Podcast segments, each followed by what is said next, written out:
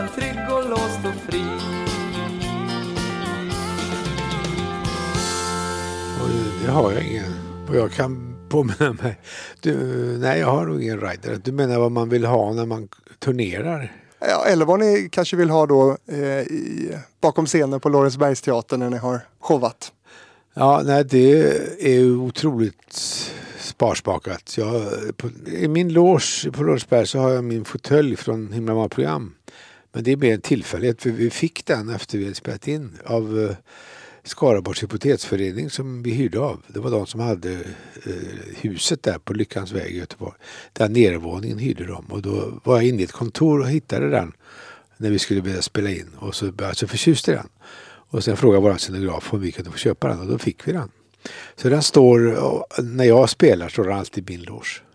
Men det är inget krav från min sida. Men brukar du sitta i den och bli då Allan, vad heter han? Allan Preussen. Allan Preussen och liksom kommer in i det modet då? ja, den är väldigt speciell. Den är faktiskt det. Så att uh, nu, nu står den på Stadsmuseet i Göteborg på mm. en, mhm. en, utställning. Vi har ju ett uh, gemensamt utrymme som vi, vi kallar för Strindbergsrummet. Det, det är för att det är rött. Så, och sen var den första pjäs som spelades på Lorensbergsteatern ett drömspel av Strindberg. Så det finns lite koppling. Men där har vi, uh, där kan man inte gå och ta en Ja, det finns ofta lite förfriskningar och ja, godis och en macka kanske också. Men det är allt. Och efter showen är det inga, inga urspårade tillställningar? Nej, inte numera. Det var länge sedan. Eller ja, det, det har varit det? Alltså. Ja, det har väl funnits. Eh, det är ett väldigt festglatt gäng från början som jag har ingått i. Så det fanns mycket kalas och fester. Men, och jag, har väl, jag tillhör väl de som fortfarande försöker vidmakthålla den traditionen. För jag går gärna ut efteråt jag brukar se fram emot en liten god middag eller supé efter en föreställning som, när, när spänningen har släppt och så. Och då, men nu finns det så få krogar som öppnar sent. För att eh, när man slutar med en föreställning vid tio så, där, så stänger de köket tio, halv elva. Så, där, så det är svårt att hitta. Men det finns några stycken i Göteborg. Här har vi Österhov i Stockholm. Mm. Världens bästa krog. Men okej, okay, men det, det är ett favoritställe? Absolut. Här i stan. Ja. Du, du pendlar lite mellan Göteborg och Stockholm eller? Ja, vi har en lägenhet här med fru också. Som ligger inte så långt härifrån tv-huset. Vid Karlaplan. Vad föredrar du? Ja, vad ska jag säga? Jag är ingen lokalpatriot så jag slåss inte för varken det ena eller andra. Utan jag tycker Stockholm har väldigt många fördelar. Och Göteborg är fint också. Sen har vi ju teatern där och hjärtat kanske finns där och till stor del också. Eftersom jag har bott där sedan 69. Så det är ju en lång tid. Otroligt. Ja, det ska nu handla om en person som kanske främst är känd för sina sketcher och filmmanus än för sin musik och sina hits. Men sanningen är att min gäst i det här avsnittet ligger bakom en rad fantastiska hits som präglat både min och säkert er uppväxt också. Vi får se vad han har i sitt bagage. Välkomna!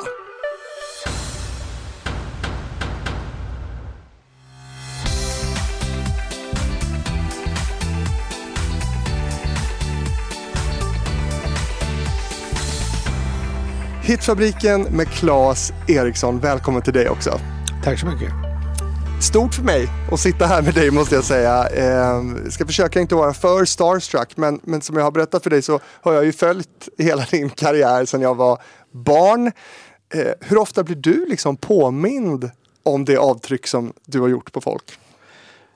Ja, det är en intressant fråga för jag tycker det har ökat. Men jag vet inte, jag har inte gjort någon statistisk undersökning men jag tycker det känns som det ökar.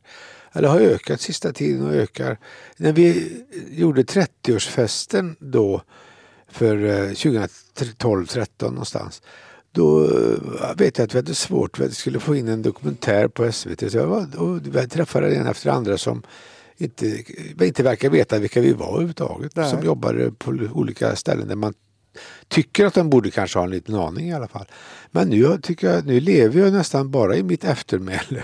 Jag har inga framtidsplaner, jag har bara bakåtsträvande planer. Alltså, jag gräver i arkivet och vi gör saker som Alltså eh, tittar på saker som jag gjort förut och eh, återanvänder eller ja, pratar om. Och biografi, det gjordes ett dokumentär för, av, om oss förra året.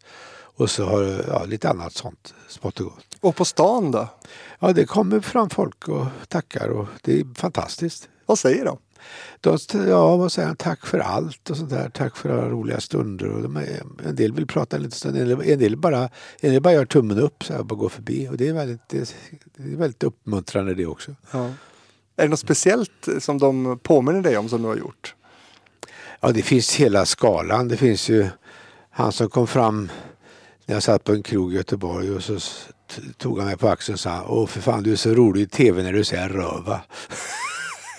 och då tänkte jag det kanske inte var det, det som vi helst ville bli ihågkommen av. Enklast vinner. ja, och sen gick han bara. Men sen finns det de som vill, säger helt andra saker. Alltså, det är så fint det ni har gjort. Så, Men, mm. så att det finns all, hela, hela sortimentet.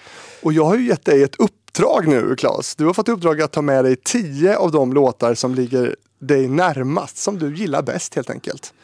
Hur gjorde du för att plocka ut de här tio?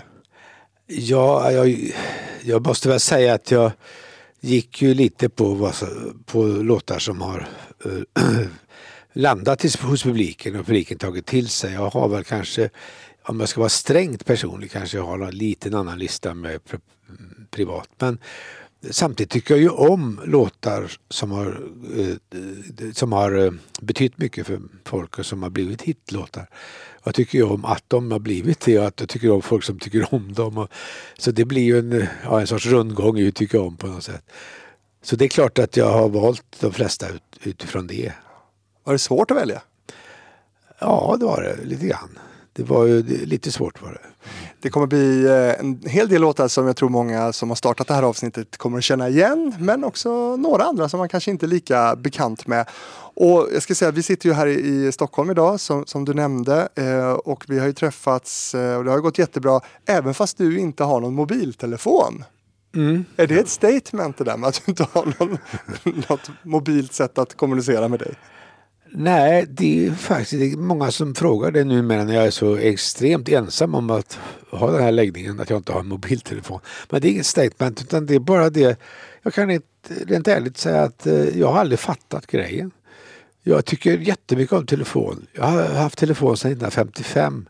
Jag var fem år och det, jag, jag tycker om att sätta mig och ringa så jag har aldrig, aldrig haft några problem med det. Men just när mobiltelefonen kom och terroriserade hela det offentliga rummet. Då tyckte jag, förstår inte varför ska vi ringa när vi är överallt? Så när människor handlar, att jag blir otroligt stressad av det. Att jag inte kan få göra saker i fred och så här. Nu, min fru har ju mobiltelefon så när vi är ute så här så ringer det ofta på mest olämpliga tidpunkter. Eller, och det stressar dig? Ja, det, det stressar mig enormt. Jag tycker så jag ringer mina samtal och sen är det klart och så gör jag inte det mer sen på dagen. Nej. Så har jag alltid gjort. När vi, och det, vi organiserade ju teaterföreställningar 1970-talet och det gick jättebra. Man ringde och bestämde tid så kom folk på utsatt tid och så var det bra med det. Man behöver inte ringa och säga nu är jag på rondellen 200 meter bort, var ska jag gå nu?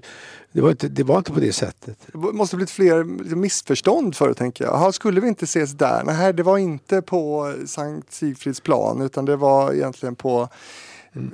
något annat ställe. Och så, om du inte hade kommit här nu klockan tio, hur, vad hade jag gjort då? Och så vidare. Mm, ja, men det blev inga, jag kommer inte ihåg att det var missförstånd. Men det är klart man kanske inte minns det. Men det, var, det, det funkade. Jag tror människor hade mycket mer respekt för uppgjorda tider och platser. Man tog reda på mycket mer noga för att nu vet man, har man den här möjligheten att ringa. När jag, jag ringer när jag kommer närmare och sådär. Så man orkar inte höra vägbeskrivningar och sånt där. Så det har skapat en slapphet och det, det, är väl det är ett jättebra hjälpmedel på det sättet kanske. Men, men det har inte passat mig. Nej. Men jag har en iPod i fickan. Jaha. Ja, det, det, det är ett, eh, en verktyg som det ser ut som en mobiltelefon fast mycket mindre och smidigare. Och den, den kan göra allt som en mobiltelefon kan utom att ringa. Perfekt. det är så jävla bra. Vad har, lyssnar du på i den då? Jag har alla mina filmer. Jag har, alltså den, den har 250 gigabyte. Eh, så att jag, har, jag kan ha all, allt, alltså inte bara mina filmer utan alltså filmer jag vill se på tåg eller flyg. Och eh, alla, jag har väl en 6000 låtar som man kan hitta och de ligger där. Och sen, sen har den då, eh, om man har nätverk så kan man gå in på nätet. Så att eh, på tåget så är det wifi på tåget. Så, så inga problem. kan man se SVT Play och sånt där.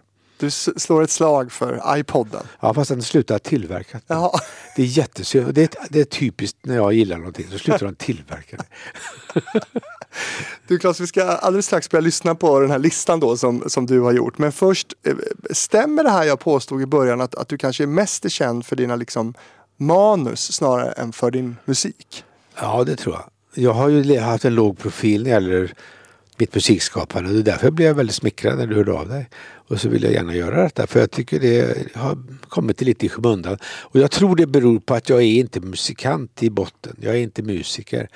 Utan jag är eh, kompositör och jag har eh, tillmäter mig viss musikalisk fantasi och jag spelar eh, oerhört hjälpligt gitarr. Jag kan alla ackord i och för sig men jag vet inte vilken ordning de ska vara i alla låtar.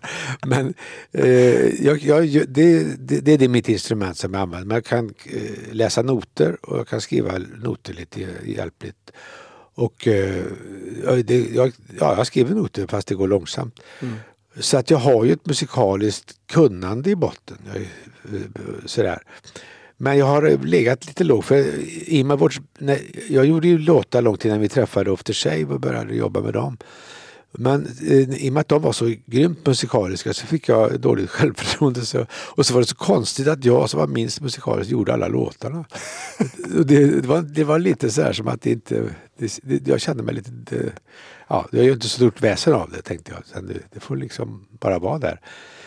För i våra stora produktioner så har jag varit det har varit en arbetsmetod att jag var tvungen att få helhetsbilden för att jag hade svårt att eh, ja, det är svårt att samarbeta i, i den processen. Inte i andra processer men just att skriva tillsammans. Det är inte så lätt som man tror. Det, vi har ju Hasse och Tage men sen är det inte så många mer som klarar det. För man, blir, man hamnar i någon sorts kohandelsförhållande. Att nu fick han med den låten, då måste jag få med en. Och, Ja, och så blir man snäll och så blir man, blir man kritisera. Och det blir, jag har provat samarbete. Knut och jag, Knut Angred som är jätteduktig. Han är fantastiskt musikalisk och jag har gjort jättefina låtar också. Vi har provat att samarbeta och det, vi hade olika temperament. Så vi har båda kommit fram till att det funkade inte med all, i all, allt samförstånd. Mm. Så det var ingen konflikt. Så. Vilket temperament hade du och vilket temperament hade han? Ja, han är mycket snabbare än jag. Jag är så långsam och, och eh, jag, han, vi kunde sitta där och så hade jag en textrad och så, så satt han med pianot. Och, så här kan det gå. Så här. Och, så, och så blev jag lite fundersam och skulle fundera. Då, nej, det kan gå så här också. Så hade han han hade tre, fyra, fem förslag och jag blev jätteförvirrad. För jag ville liksom bearbeta det första och det andra. Så, så, var, så, det var väldigt olika. Men det är svårt att tänka sig att du är långsam för att du har ju fått ur dig otroligt mycket. För visst är det så att, att det är du som ligger bakom det allra mesta av den musik som ni har haft i era produktioner? Jo, det är det ju. Jag, jag brukar räkna våra produktioner som en A-produktion kallar jag för när det är allting är original. Allt från idé till musik. Som till exempel då Stin som brinner, där är varenda låt original. Det är inte ens Macken är en A-produktion, det är några coverlåtar i den. Alltså raggarpotpurrit i slutet är ju gamla eh, rocklåtar och sen är det en låt som heter Picking Up After You som Tom Waits har gjort. Som plockar upp efter dig. Och eh, det kan vara någon mer också som jag har glömt nu. Men... Den sorgliga trumpetlåten. Uh, vilken då? Ja, den... Uh, ja, ja, Pick ja, ja, just det. Ja, vad dum jag är. Det, det, det förstår jag. Det är Roger spelar trumpet. Ja. Hur många låtar har du skrivit? Jag vet inte. Jag, jag, det, jag tror det är en, att jag har uppåt närmare 600 titlar på Steam. Jag tror det är något sånt. Det är många. Det är ja. väldigt många. Ja. Du, jag, jag, kan nästan gissa kanske svaret på min nästa fråga, men jag ställer den ändå. Du har ju en del hits, men, men är det någonting som du har eftersträvat någon gång? Inte alls, det, det kan jag inte säga. Det har jag inte gjort. Utan jag, jag tillmäter hitfaktorn eller hitsen eh, mera att vi slog igenom med macken. De, är, de flesta så kallade hits som jag står bakom, de har ju kommit via macken. Och då, där är det min bror Anders som gjorde Roy som på ett sånt fenomenalt sätt, det var ju hans livsroll på något sätt. Han öppnade ju väl dörren till folkhemmet kan man säga. Mm.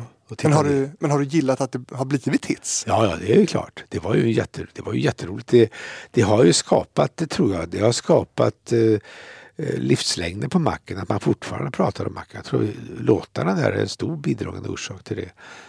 Att man fortfarande eh, relaterar till den och då kan man ju spela Macken-låtar, man kan spela Gott att leva, man kan spela Konfirmationspresenten och Husvagn och allt vad det är. Så att eh, det var flera låtar som är därifrån. Så utöver Mackens låtar så är det inte så många hits. Om, om man ska vara lite krass. Vad beror det på då? Nej, jag tror det beror på just detta att Macken som företeelse var större än själva låtarnas hitfaktor om jag uttrycker mig väldigt vetenskapligt. Ja, ja. Du, det här med att det, ni heter ju Galenskaparna After Shave, det är ju egentligen två eh, grupperingar kan man säga. Funderar ni aldrig på att ta ett gemensamt namn?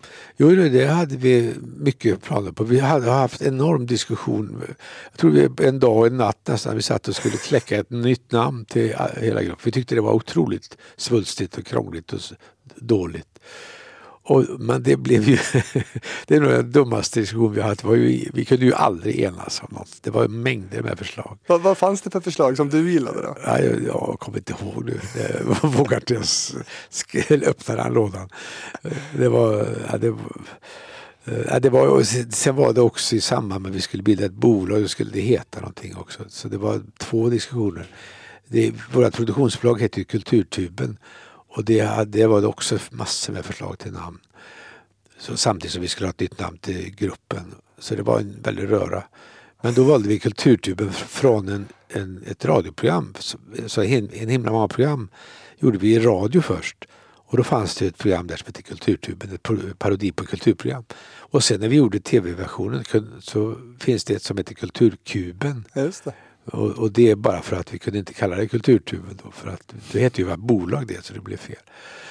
Så det var alltså det som kom fram av den diskussionen. Men äh, Galenskaparna efter Shave det är ju så inarbetat så att det, det funkar ju på något sätt. Även ja, om det är långt. Ja, man, det, det, man får tillmäta det här att det är vem man vänjer sig och så plötsligt så. Och så fanns det den här fina förkortningen, så GAS. Så att nu är det folk gasexperter och möjligt så att det, det är lite lustigt. Att det, den har ju blivit väldigt vedertagen. Ja, gillar du den? Gas? Ja, det, det tycker jag. Ja. Det känns ju jätteroligt. Kanske vi använder den här i programmet ja, också? Det är någon sorts lustgas vi står för. Ja. Verkligen, ja. kan man säga. Du, vi sätter igång nu tycker jag. Ja, ja. Tio av dina favoriter ska vi nu gå igenom och vi ska börja med en låt från då en otroligt populär serie från 80-talet. Kunderna kommer, kunderna går på Royce och Rogers mack. Är beiga, några är grå på Royce och Rogers mack. Roger lagar motorblock, bilar kör i krock. Roy säljer lock, Roy och Roger har en mack ihop. Roy och Roger har ett liv ihop. Roy och Roger har en dröm, ett hopp, ett liv, en mack tillsammans. Macken pratar jag om från 1986. Det är första låten som du valde. Varför valde du den här? Ja, den är ju central i, i, i vår verksamhet och jag, tyckte den, jag tycker att den har så många eh, ingredienser skulle jag vilja säga. Den, det tog en stund innan, vi, innan idén kläcktes hur den skulle användas. Eh, den var inte med från början i, i den låtsamling som Macken eh, hade med sig som serie. Det var tre låtar i varje avsnitt och den var inte med. Och så, jag tror, först hade jag en idé att temat skulle visslas på något sätt av eh, Roy, som det görs i filmen sen. Fast då, då, visste, då, hade vi inte, då fanns inte Mackenlåten. Men sen kom, sen kände jag att det, det, skulle vara roligt om, om det kommer en radio i bilverkstaden. Eh, själva, att det sjöngs.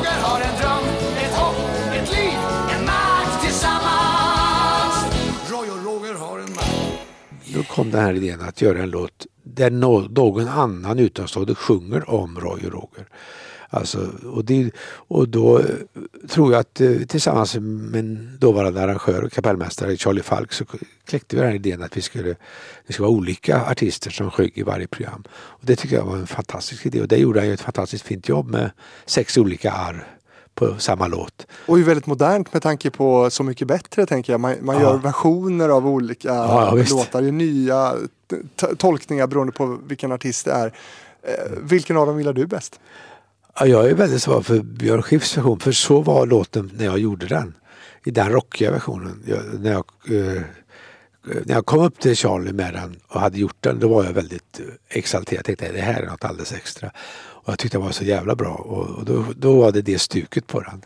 Eh, Och därför är jag svag för den. Jag kan ju tycka att Susanne Alvengrens är väldigt fin också. Ja, absolut. Hur valde ni vilka artister som skulle få tolka? Jo, ja, det var... eh, det- Vi pratade ju ihop oss och sen ringde... det Charlie hade, Charlie hade huvudansvaret så han ringde runt. Och jag vet att vi hade på önskelistan Monica Zetterlund. Men tyvärr hade hon aldrig hört talas om oss vid det. Och det är jag så ledsen för. Det var- Det har varit underbart att få en jazzversion. Gud. Så det fick vi aldrig. Men ni, ni frågade henne? Ja, hon fick frågan. Charlie ringde henne. Jag, kom inte, jag var inte med då så jag vet inte exakt hur samtalet var men eh, han beklagade det väldigt. Så att, eh, Var det fler ni fick nej från? Nej, det var bara hon. Ah. De andra tackade jag. Lill, ju- Lill har gjort en jättefin version med sin, med sin samba-känsla och så. Och sen har Nisse Landgrens med, eh, som också är jävligt fin. Och inte minst Lasse Lundahl tycker jag också. Den är ju väldigt i hans stuk. Och, men sen blev det ju Bobby Socks version som Roy Roger sen gjorde sin version på. Just det. Så att, För den finns egentligen då i sju versioner. Ja, fast det, ja, det gör det ju. Och det, det, det konstiga är ju att, att eh, vi, vi, vi gjorde ju inte på första skivan, LP-skivan, någon version med Roy Roger. För, helt enkelt för att jag tyckte det kändes helt ologiskt de ska inte sjunga sig själva. Det, alltså, det var, för mig var det en logisk eh, vurpa på något sätt. Att, hitta, att de skulle sjunga en låt om sig själva och sin mack. Att det var ju en ut, utomstående person som skulle göra det. Men sen fogade ödet det så, om man får uttrycka sig så, att efter första avsnittet så ringde Bert Karlsson upp mig och sa att han skulle ge ut han tyckte det var en jävla bra tv-serie och en jävla rolig låt. Han skulle ge ut låten med ett gäng från Vänersborg som heter Black Eagles. Och, eh, och jag, vet, jag vet fortfarande inte denna dag idag, den dag som är idag, varför han ringde mig om detta. Han kunde ju gjort det ändå. Den var ju stimmad och klar. Han gillar att ringa. Ja, han, Precis som du. Ja, han gillar att ringa. Men det gjorde i alla fall att jag tänkte jävlar han ska inte få detta, vi måste ju göra någonting. Och då började jag förstå att den, för det var bara ett avsnitt som hade gått. Och då hade ju inte Bobbys observation spelats än. Det var bara skivs. Så då ringde jag till Anders och Rom i Göteborg. För jag var i Stockholm och förberedde Leif långfilmsinspelningen. Och sa att vi måste spela in den med Roy och Roger. Och, och, då, så, och då för att det skulle bli lite extra så skrev jag en extra vers. För den extra, den, den här eh, packningar spänns och den här sista versen, den fanns inte från början. Och skickade ner den till Anders och Rippe. Så på torsdag den veckan, eh, Bert ringde på måndagen. Och då spelade de in Roy Rogers version som då blev en jättehit. Men, men Bert Karlssons eh, Black Eagles sålde 10 000 singlar bara den.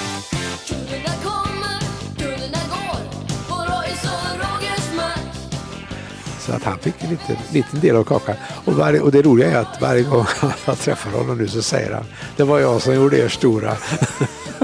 Det säger han till alla. ja, men det, han fick en liten finger med detta också. Det retar mig väldigt.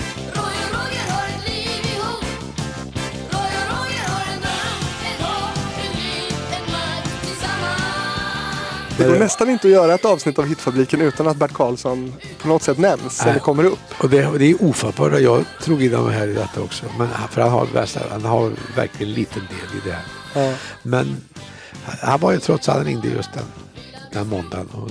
Det, det, det, var, det kanske hade hänt ändå, det tror jag. Men det satte fart på det. Vi kanske återkommer till Bert Karlsson lite längre fram i det här avsnittet Okej. eh, av olika anledningar. Eh, men eh, vi ska vidare nu och fortsätta att prata om en, om du kände dig klar att prata om macken. Ja, Har du något du vill lägga till där? Eh, nej, det är det väl inte. Jag, jag, jag vet, ja, man kan säga att den fanns i flera versioner. Jag hade, hade en, nu när vi hade jubileum med Macken på scen, då sjöng jag en, en tidig version med, som en helt annan melodi och text. En helt annan melodi till och Ja, med. ja visst. Den, den, det tog en stund när man landade i den här melodin.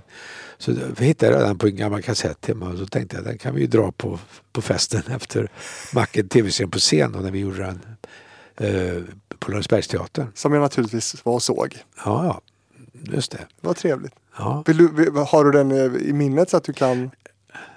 Nej, eh, där är jag väldigt dålig. Nu var det ju flera år sedan. Nej, jag har Jag ska inte pressa dig på det. Finns den inspelad på något sätt? Den här? Nej, det gör Ja. inte. Jag har inte mer än min kassett någonstans. Nej.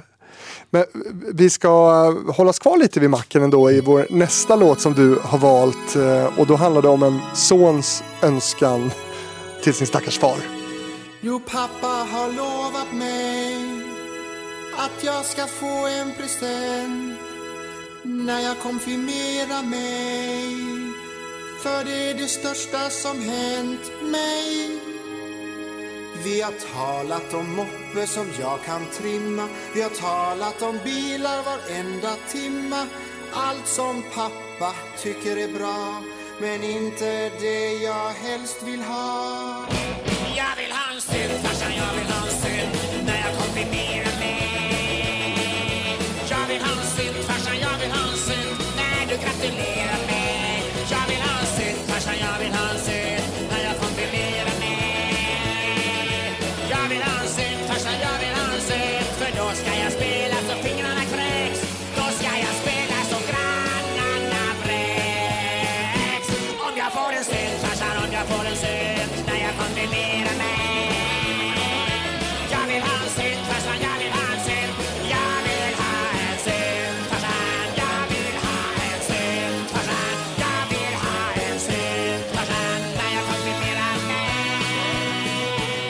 Konfirmationspresenten heter den här låten. Eller som jag tror att de flesta känner igen den som Jag vill ha en synt. Från 1986 också. Och Knut Angred sjunger ju fantastiskt. Här. Ja. Och du är pappa. Ja, jag hörs inte på inspelningen. Nej, det gör du inte. Varför valde du den här? Ja, det här är jag väldigt förtjust i. Det är en riktig favorit. Den är faktiskt skriven 1983 och skulle vara med i Träsmak. Det, så det finns, jag tyckte det var tillräckligt roligt med då är det lite en annan text. Det handlar inte om att pappa vill att han ska ha moppar och eh, trimma motorer utan då är det klassiska konfirmationspresenter som pappa vill. En klocka i gulddubblé och silverbägare och sådär. Men han vill fortfarande ha en synt. Jag tyckte det var så fruktansvärt roligt. Och det är ett led. Jag brukar alltid ha en liten satirisk sång om kyrkan och kristenheten. Varför då? För att jag är ateist. jag tycker det behövs. Himlen har skänkt oss alibi, finns ju en annan. Och eh, jag brukar ha det, försöka få in det i varje föreställning. Men det är lite viktigt för dig låter det som. Nej, det, är inte- det, det, det går det inte så går det inte. Men om man får in det så, så tycker jag det är roligt. Det finns i Alla ska bada finns det en pastor som heter pastor Grädde som har fått en uppenbarelse att Jesus kommer tillbaka. Eller Jesus bror kommer tillbaka. Det heter Reso. Och hittar, hittar tolv nya lärjungar. Det är Helsingborgs fotbollslag med materialförvaltaren som Judas. Och så här, ja, det, så det finns, det finns en liten släng varje gång. Och det här var, skulle jag ha med då i träsmak. Men det var ingen som ville göra den. Och, eh, Alltså ingen i gruppen? Nej. Som, Nähä. så där, jag fick lägga undan den. Och, eh, sen när då macken, eh, när jag skrev macken så eh, var den självklar på något sätt och då gjorde jag om den till, till det här så att den då fick en ytterligare dimension med att pappan är så eh, fruktansvärt insnöad på motorer och, och då blir det extra komik i det. Han kan jag. inte stava till synthesizer. Nej, det, det är svårt. Det är svårt. Ja. Men det är uttalet också. är Ja. roligt. Eh, men, men en favorit då. Men det här med ateismen. Alltså, många eh, kan nog liksom känna att man, man är det. Att man är ateist. Men Ja. du känns som att du är liksom en aktiv Ja, jag har ju bildat en förening som heter Agate, aggressiva ateister. Ja. Fast det är bara en, en medlem, det är bara jag. Hur kan du vara så övertygad om att, att det inte finns någon gud? Nej, jag, jag har ju haft en uppenbarelse. Gud stod plötsligt framför mig och sa jag finns inte. Så jag, jag tror inte på Gud, jag vet att han inte finns. Underbart, helt underbart. Ja, Okej, men då så. Då, Mm. Så då behöver vi inte fundera mer på det igen. Det är avklarat. Ja, det är klart. Ja. Eh, eh, det här med macken, den här gestaltningen då, eh, den är ju ganska liksom grov kan man säga. Den här sonen som slår sin pappa till exempel och sådär. Och, Ja. och så, hur tänkte ni kring det? Det, det var väl inte så uttänkt. Det, det är mer ett, en utlopp för Knuts sätt att vara på scen. Han, han är väldigt fysisk, eller var det när han var verkligen i sitt esse. Och då, då blev det alltid så. Han kunde ju, det har hänt på scen. Han kan bita en i näsan. Han kan göra möjligt. Han, han gör allt för att få hem ett nummer. och det var, när, vi, i, när vi gjorde sceneriet till den här så, så var, det, var det väl han som gav mycket av det att han eh, var så aggressiv mot sin pappa. Det är hans eh, temperament helt enkelt som kommer fram där. Och sen är det hans, han ville göra sonen så. Och, eh, för det, det är lite roligt för han kommer in och har varit och tvingat, pappa har tvingat honom att testa bilen så han går in och besiktningen. Han får ju svara på alla de här frågorna. För. Och då är han jävligt ointresserad och säger men han, gör, han är lydig, han gör det. Och sen eh, när han får ordet av Roy, vad säger du själv då? Junior säger ju Roy. Då, då börjar han lite långsamt och så växer det och så blir han, så att låten liksom tar tag i honom. Och så blir han jätteaggressiv mot pappa till slut. Och det, det, det känns som en bra båge i den. Och lite för att återknyta till det du sa i början här. Det är också så att, att du har egentligen levererat låtarna precis så som du vill att de ska vara. Det, det, det finns egentligen, har inte funnits någon större påverkansmakt i gruppen på dem. Utan, eller hur har det funkat? Den kreativa processen där.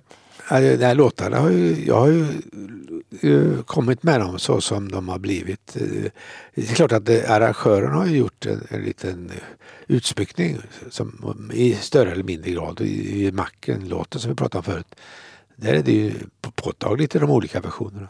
Men i den här låten, den är mycket närmare mig. Alltså jag är, jag brukar säga att jag, inte, jag har ett komplicerat förhållande till musik för det, det är alltså bara jag älskar musik, den älskar inte mig tillbaka. Så jag har fått erövra musiken med min energi istället för något annat. Och det har gjort mig till, alltså jag har mer släktskap med punk eller någonting. Fast jag inte är i den generationen. Och har inte den frisyren. Nej, inte alls. Nej, jag har inte, inte tatueringar och piercingar heller. Och ingenting av det. Men jag har... Men du har en väldigt fin frisyr. Du har fått behålla håret. Ja, det är jag glad för. Ja, Det har växt, växer fortfarande lite grann. Men det gjorde att när jag kom med konfirmationspresenten så är, är den rätt så säga lik som när jag spelade den på min gitarr första gången. Så det, det, det är inte så mycket arrangemang i den eh, som, som eh, i många andra låtar. Innan vi lämnar Macken nu Claes, ska vi säga någonting om den enorma populariteten som serien fick? Alltså det, det var ju så stort. Ni var ju ute på liksom signeringsturnéer som ballade ur. Och För de som inte var med då, berätta.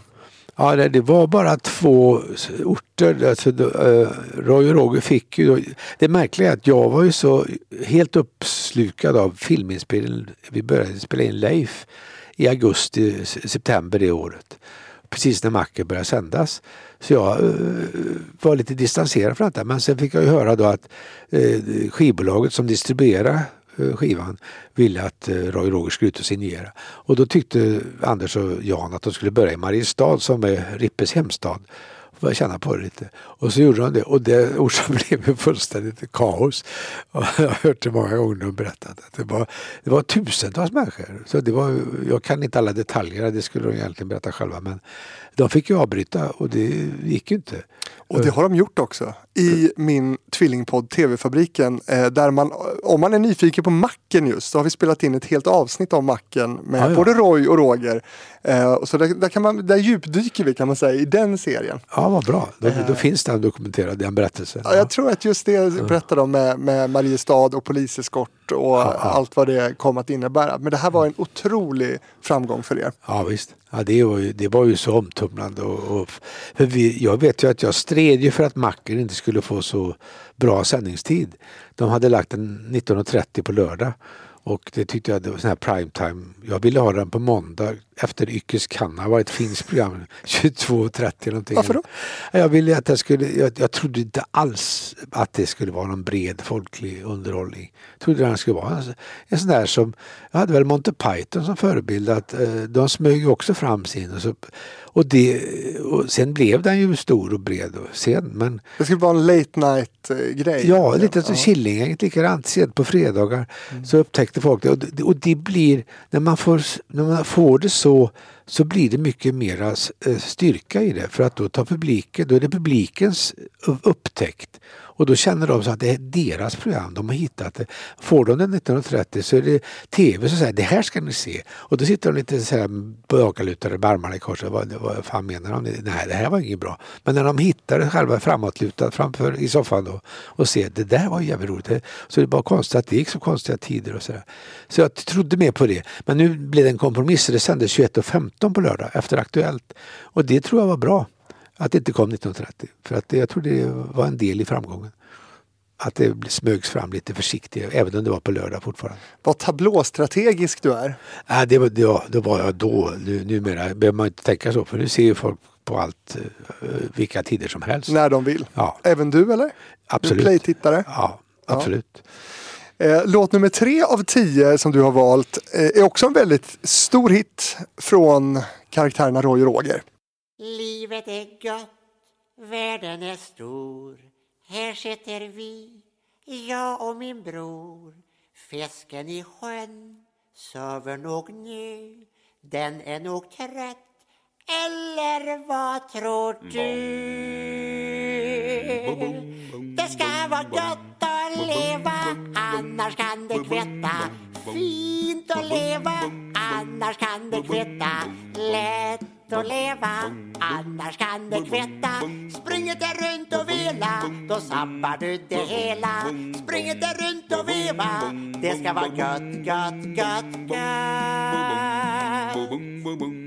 att leva. Gött att leva från 1990. Ja, det här är ju Roy och Roger, men det är inte Macken. Eh, Den här låten tillkom ju i och med långfilmen då. Eh, Men den här måste man väl ändå påstå att det här blev något av deras signaturmelodi. Ja, det blev det ju faktiskt. Absolut. Så jag är, filmen kan man ju ha synpunkter på, men jag är väldigt glad för att filmen gjordes. Tack för, inte minst för att då, det födde ju Gott att leva, så den kom till tack vare filmen. Va, vad är det för synpunkter man kan ha på filmen tycker du? Ja, det, det, är ju, det är intressant att den eh, fick ju, om man säger tv-serien hyllades ju så, även av recensenterna så småningom. När de väl hade kommit ikapp. Det, de var ju inte med från början men det är ju som det alltid är, de kommer alltid sist.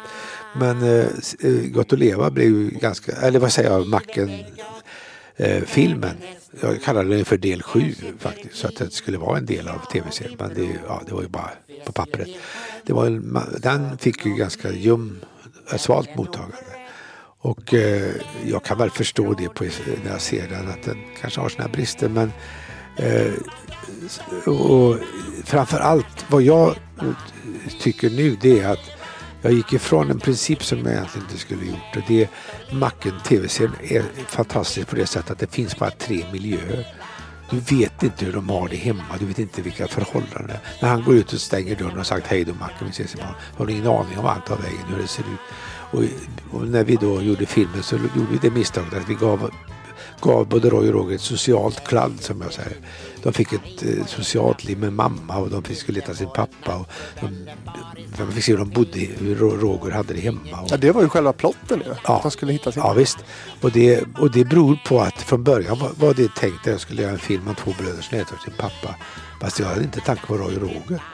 Och så hade jag bara skrivit att jag ville göra en road movie. Jag tyckte det verkade kul. Och så tänkte jag, vad fan ska jag ha för bröder? Och så satt jag, jag har ju två bröder. Det, så, det låter jättekonstigt, men det var, så var det faktiskt. Och så, eh, så fick jag ju skriva till he- hela den här öppningen som är i macken, fast den har en exteriör då. Den exteriören kan jag tycka är okej.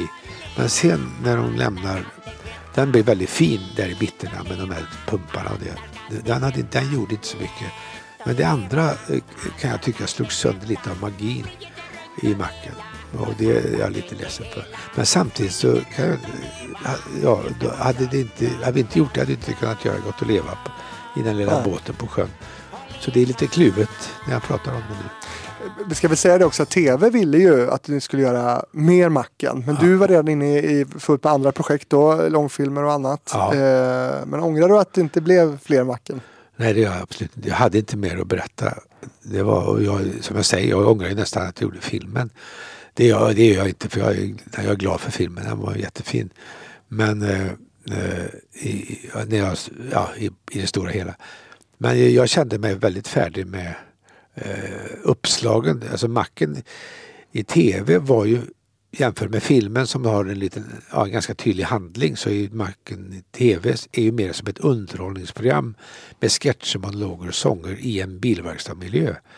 Kan man, kan man hårdra det och säga. Musikal nästan. Ja, lite, ja, det, det, allting händer där och det är alla möjliga ämnen och det är folk som kommer, mm, alltså det är en del väldigt långsynt, långs, det är väl eh, långsökt. Eh, Kultur för alla projektet. Och det, till exempel. Ja, det är väldigt mycket som är långsökt som kommer in. Men det blir väl roligt då i den miljön. Och, så, så att jag, jag hade väl inte, det, det gick ju åt en, vad kan man säga, eh, 15-20 idéer i varje program. Och sex program, det är 60 idéer. Det är mycket. Ska man ha en serie till, det är 120 idéer. och jag hade väl slut på idéer. Jag tyckte när jag hade gjort den att det var fyra avsnitt som var riktigt bra. Och två var lite sämre. Vet du vilka? Nej, jag vet bara att fjärde avsnittet är jag väldigt nöjd med. Det var det, är det bästa avsnittet. Vilket är, vilket är det då? Det är med eh, när de kommer och bär in en motor i början. Jag tycker det är jätte... De har tagit ur bilen. Ja, Ja, det är- Men de hade ju en ritning. Så att, Ja, ja, visst. ja. Och ditt bagage är med och för mig att husvagnen med också. Ja, nu, det, nu satte du mig lite men jag, jag, vet väldigt, jag är väldigt nöjd med den. Stjärnspäckat eh, avsnitt och, och mycket bra innehåll. Men du, gott, gött att leva då. Vad är din relation till, till den låten? Eh, Den är ganska stark för att jag vet när jag gjorde den så kände jag att det är någon, en sån här låt som jag kände att det här är något lite extra. Det, det kändes när man gjorde den och den är skriven eh, för början, eh, alltså den, den är tänkt som att de ska den är skriven som om det ska, så det ska verka som om de sitter i båten och gör låten medan de sitter där. Och jag vet att jag sjöng de första vers, raderna, versraderna eh, vid ett trafikljus på Sankt Sigfridsplan. Jag har varit ute och sprungit. Jag motionerar i Skatås i Göteborg. Och så blev det stopp där. Så jag fick skriva ner det på ett parkeringskvitto. De där, Livet är gott, världen är stor. Här sitter vi, jag och min bror. Och fisken i sjön sover nog nu. Den är nog trött. Eller vad tror du? De raderna finns på ett parkeringskvitto. Och, det, och då, när jag kom hem så kunde jag bearbeta det och göra, fortsätta med den. Har du sparat kvittot? Jag tror det ligger i någon pärm någonstans. Jag kommer inte ihåg. Nu var det länge sedan jag såg det nu. Men. Är du en sån som sparar mycket sådana här? Ja, tyvärr. Jag, är väldigt, väldigt, Stort förråd. Mycket stort förråd. Ja, faktiskt. Det, det är jag verkligen. Och, och att du valde den eh, i den här listan är inte så konstigt eftersom det blir ju en, en som sagt en signaturmelodi för Roy Roger och en, en stor hit också. Alla kan sjunga den. Det blir väl allsång gissar jag när ni framför den. Ja, visst. Den, är, den, är, den har ju varit final i många föreställningar sedan dess. Mm. Såna här, såna här uh, kavalkadföreställningar. Alltså. Och passar ju jättebra. Börjar väldigt lågmält men blommar ut till en, en stor Mm. Ja. låt. Liksom. Ja, visst. Ja, det var fantastiskt när vi gjorde, när vi gjorde tv-serien Macken på scenen. Då var den allra sist. Och Hela publiken står upp och sjunger och dansar. Det var, det var verkligen fint. Du är ju en bärskund i Macken, Mm. eh, bland mycket annat. Eh, vilka av dina andra karaktärer i Macken gillar du? Ja, jag är jätteförtjust i Syntarns pappa, Turbo. Det är, det är en av mina allra största favoriter. Ja. Han, jag tycker han är, det är någonting med honom som... Det är no, alltså, Har du kollat rosten? Ja, han, han, är, han är för mig, han är dumtuff. Och det, det, det, jag tycker det är något så det, är det här vi människor, vi har en sorts fäbless för att vi ska vara lite coola och tuffa. Och ibland blir det fel. Och i hans fall blir det väldigt fel, tycker jag. Fast det hade, han, jag tycker det var så roligt att spela den sorten, för jag har nog lite av det i mig själv. Fast jag försöker lägga band på det. Är det Turbo? Nu slog det mig bara, är det Turbo som är med i Stinsen brinner också? Vilken häftig biljett! Ja, nej, det är ju inte Turbo, Det är inte men, Turbo. men det är han, samma jacka. Ja, jaha, ja men du ser, då var det någon som Ja, ja, slog. för, Ja. Fast det, han heter ju uh, Jerry Kopp. ja, just det, så är det. Så han, han, eh, det är inte tänkt att det ska vara samma, men det var råkat bli så att vi av någon anledning så, så att vi spånade när vi skulle ha kläd, Eh, klä honom. Han skulle se ut som ha den jackan. Så frågade vi tv. De hade, eh, hade sytt på alla de här märkena. Så det var special. Det var inte specialsydd men det var en jacka i grunden som de sytt på alla de här märkena. Så det finns bara en sån. Och den fick vi då köpa från tv till, till han Jerry Kopp.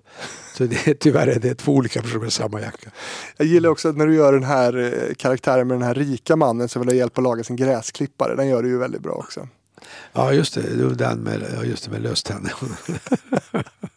ja, väldigt roligt. Vi äter glass där också. ja. Lilly ska betala. Ja, den, den var tacksam att göra, det var väldigt roligt. Och musik för alla projektet är också fantastiskt bra tycker jag. Men du, ehm, som sagt, eh, vi, vi lämnar macken nu återigen och så hänvisar jag till TV-fabriken med, med eh, Jan Rippe och din bror då i detta fallet som pratar mer om den här serien. Vi ska lyssna på nästa låt nu och nu blir det filmmusik. Luften är fin. Härlig att andas. Syret är ungt. Hjärtat är lugnt. Kvällen är fin. Allt är förklarat Inget är tungt Hjärtat är lugnt Pulsen slår så lugna slag i mig Den här låten heter Hjärtat, kommer från 1996 från filmen Monopol och det är Knut Angred som, som sjunger. Finstämd låt. Vad Ja. handlar den om? Den handlar om att man ska lyssna på sin inre röst egentligen. Eh, Eller en sorts försiktig uppmaning till att inte, att inte göra våld på sig själv i livet utan man ska följa sin inre röst. Har du varit bra på det? Ja, det tycker jag faktiskt. Eh, med förlov sagt, alltså lite... Jag kan nog tycka det. Jag har haft tur också. Jag har haft bra valmöjligheter. Så det har varit lättare kanske för mig än för väldigt många andra. Det är ju inte alla som har råd och kan och möjligheter. Och att livet fogar det så, så att man kan det. Men för mig har det varit så att jag menar, eh, det, var, det finns ju alltid en del val. Ska jag gå på det här tåget eller kommer det ännu bättre nästa gång? Och så lyssnar man på sin inre röst och känner att här är det min tur nu. Och det har, de gånger det har uppstått så har jag lyssnat på det. Tycker jag själv. Mm. Så den är lite personlig. Den, det är den låten som när jag gjorde den så jag tror aldrig jag känt så starkt för någon låt jag gjort som den. Och jag har tagit upp den nu eh, i min egen föreställning Vardagsmat. Så jag sjunger den själv. Inte i kraft av att jag är en fantastisk sångare utan i kraft, för att, kraft av att jag har gjort den. Och jag har den som final. Eller hade den i Vardagsmat heter föreställningen. Spelade väl den 35 gånger så här. För sista gången förra året på Scalateatern här i Stockholm. Så Den kommer inte tillbaka. Nej, jag har nog lagt ner den. Det var så mycket text att lära sig i hela föreställningen. Ja, Men, ja, det, ja, det där måste vi också prata om. All text ja, som du det, måste var, memorera. i Ja, det allt du mycket. har gjort. det är mycket. Ja, det är många ord. Hur, ja, hur, hur har du gjort det? Alltså, hur, hur jobbar man med det? Ja, det, det, det är ju skådespelares... eh, Det måste han ju kunna göra. Så det är inte bara... Men det ska ju få plats också. Jo, men man får, man, får, man får plugga bara. Det finns, jag har ingen genväg. Kan du bara ben utan till fortfarande? Ja, sitter- just, det var just så, lustigt du sa den, för den kan jag faktiskt. Eh, tror jag nästan i sömnen, inte riktigt. Men om man väcker mig på natten kan jag i alla fall. Bakom brödbutiken bodde Baskerbossens båda bröder. Men du, den här är ju väldigt fin den här låten Hjärtat. Eh, Den har du till och med sjungit på en begravning ja, häromdagen på Ingvar Hirdwalls begravning. Det var otroligt fint. Det var så otroligt starkt. Eh, känslan. Alltså, jag hade ju inte en tanke på att den skulle, skulle kunna användas så. Men jag fick frågan av Marika och Agnes och Jakob. Eh, Agnes och Jakob är ju Ingvars barn. Marika hans fru. De ringde och frågade om jag, om jag ville göra det. Och det är klart, jag kunde inte säga nej. Och det, var, det blev väldigt fint. Va, va, hur kom det sig alltså, att han ville höra just den här låten? Eller Ja, det var en favorit i familjen. Agnes tyckte inte så mycket om den. Hon sa att hennes pappa tyckte om den också.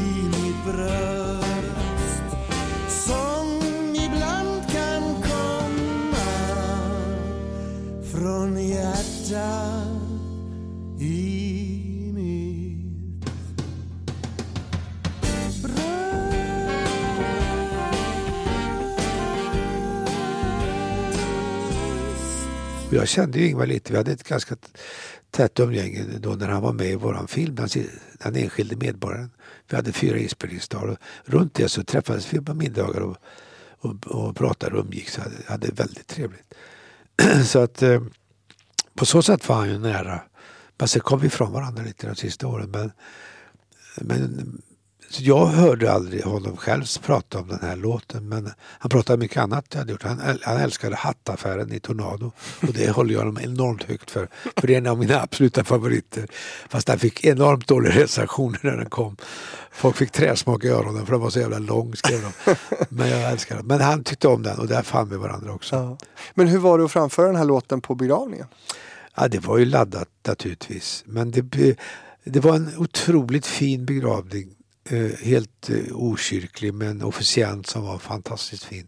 Pia Kristoffersson som höll i det och hade lagt upp det eh, på ett, alltså programpunkterna på ett bra sätt och pratade själv mycket lågmält och vårdat och fint och ömsint om Ingvar. Och det var mycket humor, mycket alltså, såna här fina skratt när man mindes Ingvar. Och sen hade hon lagt Andreas T. Olsson som läste Vingen av Kent Andersson alldeles innan jag skulle sjunga Hjärtat. Och det, var, det var, blev väldigt bra ingång till det. Så jag, jag var jättenervös och skärrad. Jag tror aldrig jag varit så nervös för någonting. Eh, eftersom det är en ovan situation. Jag har aldrig gjort något sånt förut. Eh, även om jag varit officiant på en begravning när vår kollega Rolf Allan, scenografen hos oss, gick bort för tre år sedan. Då hade vi begravning på teatern. Och då, men det var, då hade jag ju papper och då kunde jag... Det här att sjunga. Och den här är lite spröd också. Den börjar ju a cappella. Och det, ja. och när jag då kände mig som... Jag är inte så jättesångare. Och man vet inte hur rösten funkar och sådär. Så. Men det blev väldigt fint. Det kanske bara bidrar till den här skörheten. Ja, jag tror är att, en, eh, en, ja. en utpräglad sångare. Som, Ja, som jag, tror, jag tror att det kanske till och med var en tillgång just i det här fallet. Hade du sjungit den även om det var i en kyrka? Ja, om jag hade blivit ombedd. Ja, ja, jag, jag går ju på begravningar i kyrkor. Jag är inte eh, rabiat så. Det här med Agathe är ju bara ett skämt. Nej, Nej precis. Det blir bra att vi reder ut det. Ja. Ehm, ja, men Rolf Allan, ska vi säga något kort om honom också? En, har präglat er produktion mycket. Ja, han, han, jag, jag saknar honom enormt. Och, eh, Också så- figurerat i era produktioner. Ja visst, det har han gjort. Han, han var ju väldigt han var väldigt klurig, hade väldigt dröjande, fin och eftertänksam humor som kommer fram i hans eh, teckningar och hans grafiska arbete runt, vårat, runt våra föreställningar, och filmer och tv-serier. Väldigt fint arbete. Ja, och jag vet att när han gjorde första, det fina är att han var med från allra första början. Han fick träffa Anders, min bror, på tillställning, kanske har du hört den historien. När eh, sommaren 82 så var, finns det någonting som heter Skrubben på Chalmers. Rolf Allan var ju chalmerist, gick på Chalmers. Anders var inte chalmerist men var där jämt ändå. Och där satt han en sen natt och då, efter en fest och så hade, pratade de om, Rolf Allan för, sa då att jag tycker ni ska göra någonting ihop med After Shave. Och då, då hade vi redan börjat prata om det. Så Anders sa, kunde inte hålla sig och sa att vi har redan börjat prata om det. Och då sa, frågade Rolf, kan, Rolf Allan, kan inte jag få göra affischen? Och eh, Anders kunde väl inte svara direkt så men dagen efter så, så låg det en skiss på den första annonsen i Anders. eh, han fick ett meddelande att han skulle hämta på skrubben i ett kuvert. Och där, hängde, där låg skissen till gubben med, en gubbe med skruv i huvudet. Och, det var, och då stod det, så stod det, jag är jävligt intresserad, även nykter. Rolf Allan. Och sen på den vägen är det. Och jag vet att så kom den lilla blyertsteckningen in som annons. Och jag tänkte alltid när jag såg den att tänk att jag är med i föreställningen med den finaste annonsen. Så, så var det. Det är svårt att prata om det utan att bli lite rörd. Mm. Ja, jag ser det. Ja, Men, men ehm, han figurerar också i era, han är väl med i På vinden? ja visst. Det var hans eget manus, egen idé, alltihop. Så det är, det, är, det är hans eget program alldeles. Och även TV-doktorn. Den har han skrivit själv och gjort, gjorde allting. Så att han, han, eh, han gjorde något sportprogram, alltså han skrev ju egna manus. eh, Så att han, han var ju med i gymnastiken också, där är han ju, där är inte hans manus. Men annars var han var ju med och figurerade också i andra grejer. Men han gjorde mycket eget. Eller mycket, men han gjorde några grejer då och då. Så. Eh, den här låten eh, då som vi, vi har pratat om eh, och andra låtar också. Hur har du jobbat med att välja vilka som ska vara solister och, och så i, i låtarna? Ja, det, har- det, de här som vi hittills har pratat om har det varit ganska självklart. Eh, att det var Roy och Roger och, som sjöng både Gott att leva och Macken. Och sen Knut då att han gjorde eh, syntan. Det, det var det kommer jag inte ihåg men det känns som att det var, han var given på den med sin starka, eh, energiska röst. Alltså om man säger Per har ju en väldigt fin röst också men den är mycket mjukare och, och ja, ja, det, jag tror att Per passar bättre för husvagn, Knut passar bättre för konfirmationspresent. det kan vi nog vara ganska överens om. Och hjärtat då? Ja, eh, det- att det blev Knut där. Ja, det, jag kommer inte ihåg mer än att jag vet inte när den skrevs. Jag är inte riktigt klar över vilken tid, alltså var vi var i, eh, men jag, eh, i tiden då. Men den skrevs ju för huvudpersonen och Knut, det var ganska tidigt bestämt att Knut skulle göra den här Egil som det handlar om, så han som inte vill vara med i tv och som ja, eh, är nöjd med sitt lilla liv utanför kändisskapet eller rampljuset. Och då blev det självklart att han sjunger den. Och, ja.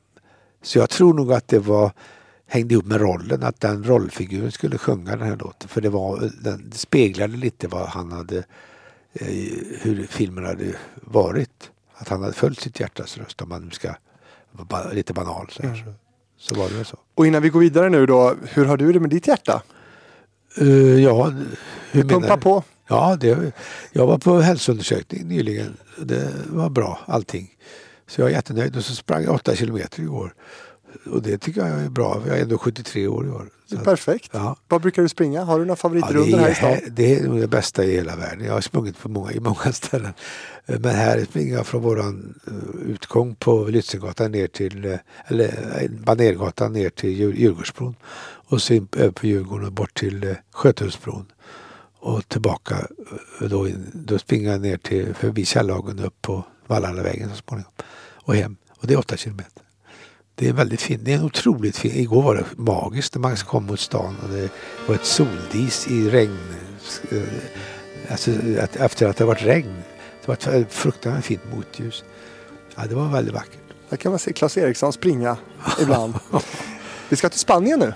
Jaha, Under en filt i Madrid ligger en flicka på glid Tittar på mannen bredvid Under en filt i Madrid Under en filt i Madrid från 1985 från scenföreställningen Cyklar. Claes, det här är en av dina stora sololåtar. ja det kan man ju verkligen säga. Den har ju hängt med sedan jag fick... Av en tillfällighet kom den in i, cy- i cyklar. Den var inte med från början. Eh, Eh, men det var någonting, var, Knut hade en stor sång och så var han dålig i halsen eller någonting. Och då, eh, på något sätt så kom det fram, jag kom fram till att jag skulle, skulle sjunga under en det, det, det var inget, jag tyckte jättemycket om det. Det var inte något som... Jag har gjort låten så här så att det är klart att det låg nära till hans. Men eh, Knut hade gjort den i radion före, i, i ett lokalradioprogram där vi kommenterade eh, dagshänd... det Något sånt där. Jag, det har aldrig varit min styrka att så här veckans revy när man gör sig lustig över det som händer under veckan. Men vi hade ett sånt program i lokalradion i Göteborg under en period som hette filialradion. Alltså, det var vid sidan av lokalradion. Och eh, eh, då, hade, det var då precis de startade den här brällvågen som kom. Eh, det var några år tidigare men då Ja, det var 84 någon gång tror jag. Och, eh, Ebba Witt Strandberg och, och, och det var Tommy Körberg var med där från början. Och det var ju fantastisk föreställning. Men av någon anledning så, så kunde inte jag låta bli att göra en liten parodi på det. För att, att jag hade älskat Brell. Jag tycker verkligen om Brell eh, innan. Och så plötsligt skulle alla sjunga Brell. Och det, då, inte för att jag, ja, irriterar mig, men kanske lite. Så det blev en parodi. Men det här var Brells bror, Ja, det var Kjell. Kjell. Exakt. full av resår. Sången jag sjunger är svår. Omöjlig att komma ur. Jag vet vad fan inte hur Orden får snart inte rum. Jag får väl sjunga i stum. Tonerna trängs i min gom Sätt mig på tåget låt mig sluta tid under en filt i Madrid.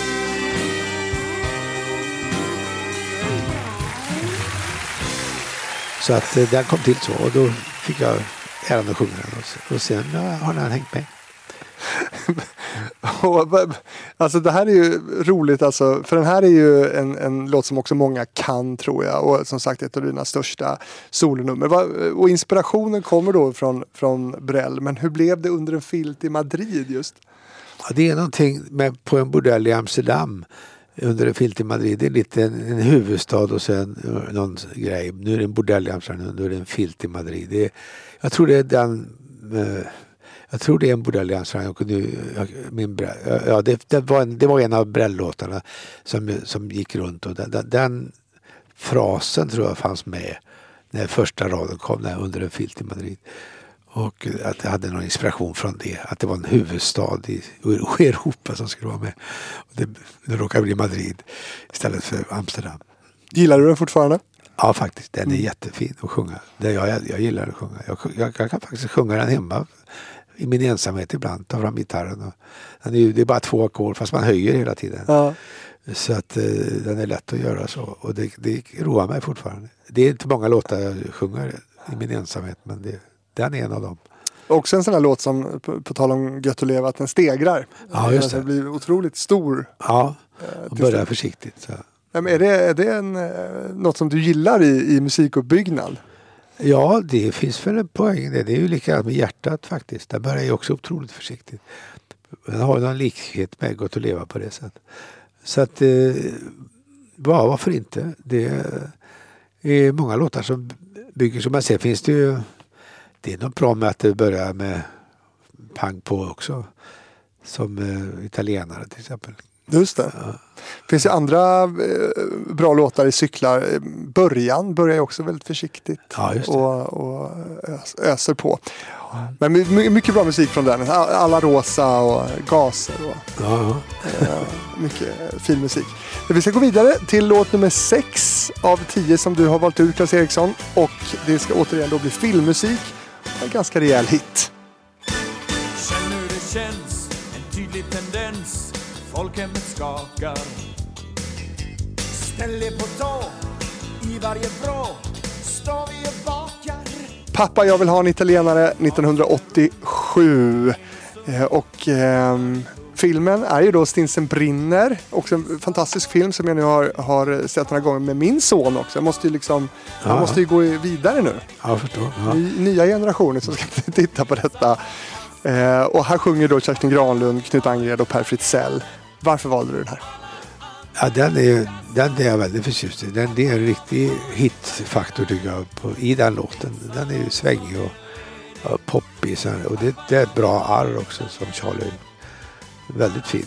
Och eh, nu är den från scenföreställningen och det är inte bara en film utan det är, Just det. det är vår största teatersuccé någonsin. Som eh, vi spelade eh, nästan fyra år. eh, För, för nästan ja, 300 000 besökare. Det, det är ett jätterekord i vår värld. Eller i vår historia. Och funkar ju lika bra alltså, oavsett. Jag, med sonen har jag sett både scenföreställningen och film. Ja, ja. Jättebra ju. ja, ja. Så att eh, nej, det var det var roligt att göra filmen också för det blev lite, det blev lite mer nyanserat alltså, än att, bara ha teaterföreställning. Och den gick ju jättebra på bio också. Så att, nej, jag är väldigt förtjust i den låten. Det, det var svängig och, och eh, ja, som sagt, det gjorde Knut och och, på ett fenomenalt bra sätt. Jag tror att Kerstin är den enda kvinnan rent röstmässigt i er konstellation då, GAS. Hur har det påverkat liksom, skrivandet? Eller har du fått ta hänsyn till det? Att ni bara har en kvinna som röst? Eh, Ja, man får ju ta hänsyn till det material man har. Och de, eh, jag, det, på det sättet har jag fått ta hänsyn till det. Men eh, det är klart att eh, After Shave hade ju sin röstfördelning i, i, när de kom med. Med Peter som baryton och Knut och, och Persson eh, först och andra tenor och sen Rippe som bas. Och, så. och det byggde vi ju mycket på i början. Och sen kunde Kerstin ibland vara med och sjunga i After Shave och då fick man ju lägga det på ett annat sätt. men, vi har, men jag har aldrig... Det är många som har frågat under resans gång varför vi bara är en tjej. Men det är ju inget som vi har valt utan det råkar bara bli så.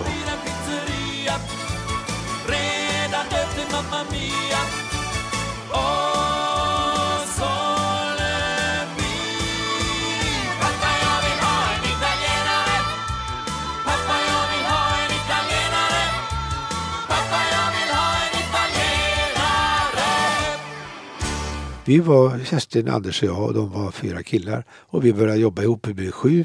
Och uh, att ta in ytterligare någon uh, och då, som då är en ny tjej, det, det är klart att man kan tycka att vi skulle gjort men uh, jag tyckte det var svårt att skriva de här stora teaterproduktionerna för sju så att alla sju fick rejält bra material att jobba med så inte det var någon som hade fyra repliker och satt och byggde modellbåtar i logen medan han väntade på nästa entré. Det var, det, så skulle det inte vara att alla skulle ha lika mycket att göra och då var det ju lättare att sysselsätta sju än åtta om du förstår mig. Det var svårt nog med sju. Så det ligger nog mer där. Men sen klart att sen har vi eh, i filmer och sådär när vi har kunnat. Till exempel Charlotte Strandberg har jobbat med oss några gånger. Och eh, nu, inte minst nu senast i Macken på, på scen. när Kerstin- Varför just eh, hon, Charlotte Ja, hon, det bara blev så. Min fru Ann som jobbar i reklambranschen. Eh, hon hade, eh, när Charlotte var väldigt ny, så hade hon, haft, hon jobbade på Pingvinfilm, en reklamfilmsbyrå. Eh, byrå.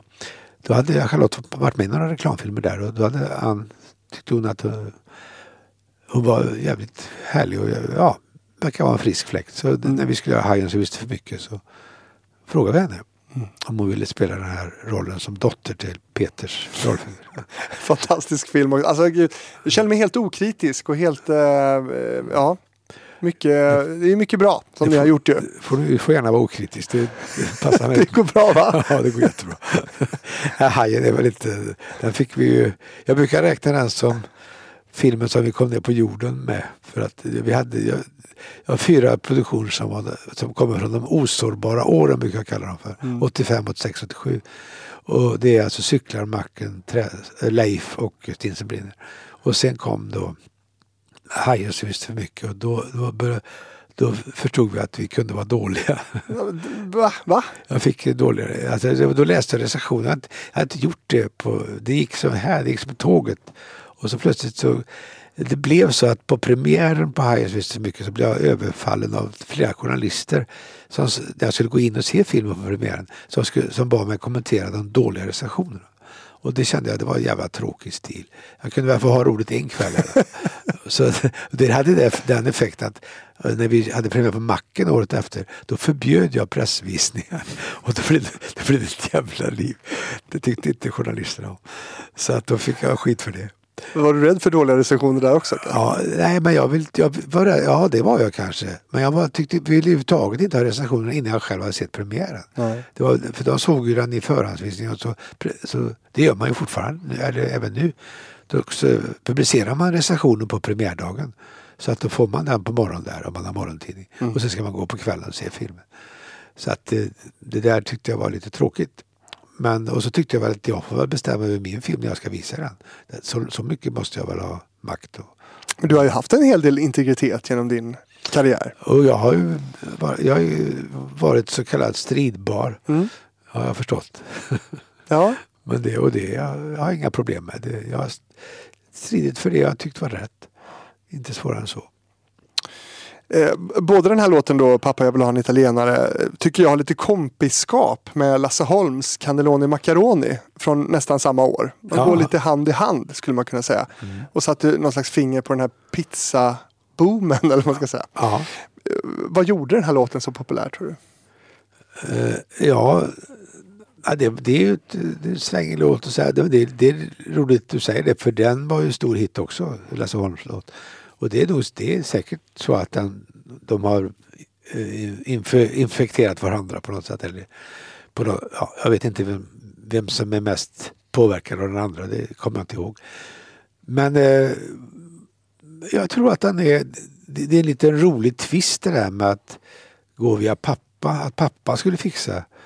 Det, det, det är humorn i låten, när- om det nu finns någon. Att tjejer vill gå till sin pappa och kan inte du ordna en italienare till mig? Det är ju jävligt, det är jävligt dumt och krystat egentligen. Men det blev så att på något sätt självklart. Och jag, jag, när vi gjorde filmen så hade vi ju jättemånga papper som eh, illustrerade detta. Det kunde vi inte göra på scen på samma sätt. Men det, det, det, det roade mig mycket att det var massa tjejer som hade med sig sina papper som skulle hjälpa dem att få internet. Och på tal om Lasse Holm då, det, det låter nästan lite slag i detta. Ja, ja. Och det är ju flera låtar som gör det. Och vi har talat om Bert Karlsson här tidigare. Och då kommer man lite osökt in på Melodifestivalen. En, en tävling som ni har parodierat eh, tidigare också. Men, men visst är det så att ni var på gång och medverkade i Melodifestivalen? Med privat? Ja, så ja, ja, på gång. Ja, den var... Vad fanns någon tanke där? Den anmälde vi till. Men nu ska, det ska jag säga nu så att det blir rätt här. Det- är Knuts musik och det är min text. Så den anmäldes till eh, Melodifestivalen då 86, 87, när, när då Macken gick. Och kom med till sista gallringen så, så den var med väldigt länge. Eh, men försvann då. Och, men jag måste säga, eh, jag eh, var inte så engagerad i det utan det var andra som skötte det. Jag tyckte väl det var roligt men jag, jag, var inte så, jag, jag stod inte längst fram och drev den frågan om man säger så. så jag Men du hade inte haft något emot att tävla Nej, nej, Melodifestivalen? nej, nej, nej, det hade jag inte haft. Och vi såg väl det som, en, som alla andra, som en PR-grej och det, eh, som en liten si- side-effekt kan man kalla det för. Om den skulle kommit med där. Och det här var ju på 80-talet men, men jag har ju förstått både på din bror och Jan att det här har ju varit på gång. Eh, Ni har blivit föreslagna låtar även i så kallad modern tid. Ja, eh, After Shavarna har ju blivit det. Jag- Kanske hela gruppen. Ja, det, jag tror inte det har nått fram till mig riktigt mer än eh, på omvägar i så fall. Nej. jag har hört talas om det, att de har eh, Thomas Gesson har kommit och spelat upp låtar och. Ja, jo, det stämmer. Ja. Det har du rätt i. Det kommer jag ihåg nu. Men eh, ja, det, det, det hade väl inte jag sagt åt dem om de hade gjort det. Men jag hade inte ställt upp själv. Nej. Har du hört någon av dem? Nej, Nej. inte vad jag kan komma på. Nej. Då går vi vidare, eh, Claes, nu till en låt som handlar om renlighet och personlig hygien. Ja, Det är så svårt att tvätta sig på ryggen och tårna sitter alldeles för tätt. Det är svårt att tvätta sig i naveln I örat är det heller inte lätt Tvätt från 1998 från Alla ska bada. Eh, kanske en av de mindre kända låtarna på, på din lista här. Varför valde du den här? ja, jag tycker jättemycket om den. Jag tycker den är så fruktansvärt bra. Eh, Så svängigt och så eh, lite sofistikerat arr. De sjunger i skön stämsång.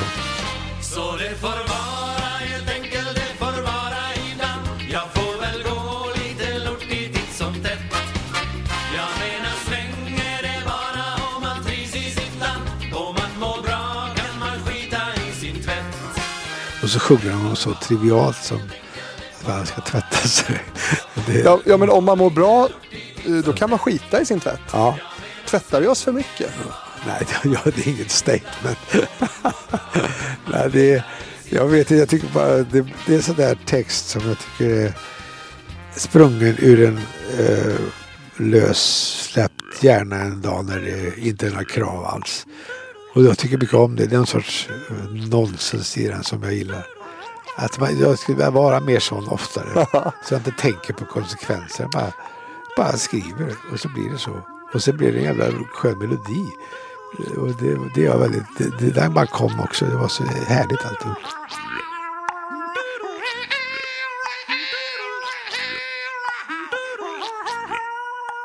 Och sen är det väldigt musikaliskt lekfull. Det kanske kommer i det här kravlösa då. Det är Ja. något eh, a cappella-solo i mitten. Ja, Eh, och det är också så att ni byter språk. ja på engelska en stund.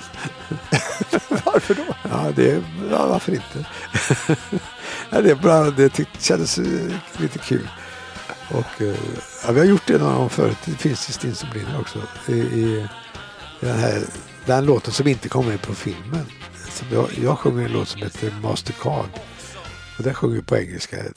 Men, det, men i tvätt är det mycket tydligare. Eh, Då säger väl Jan tror jag. Vi tar det på engelska också. Ja. Och så är det en ren översättning egentligen. Ja, bara. ja visst. Ja. Det så det är ju inte så konstigt.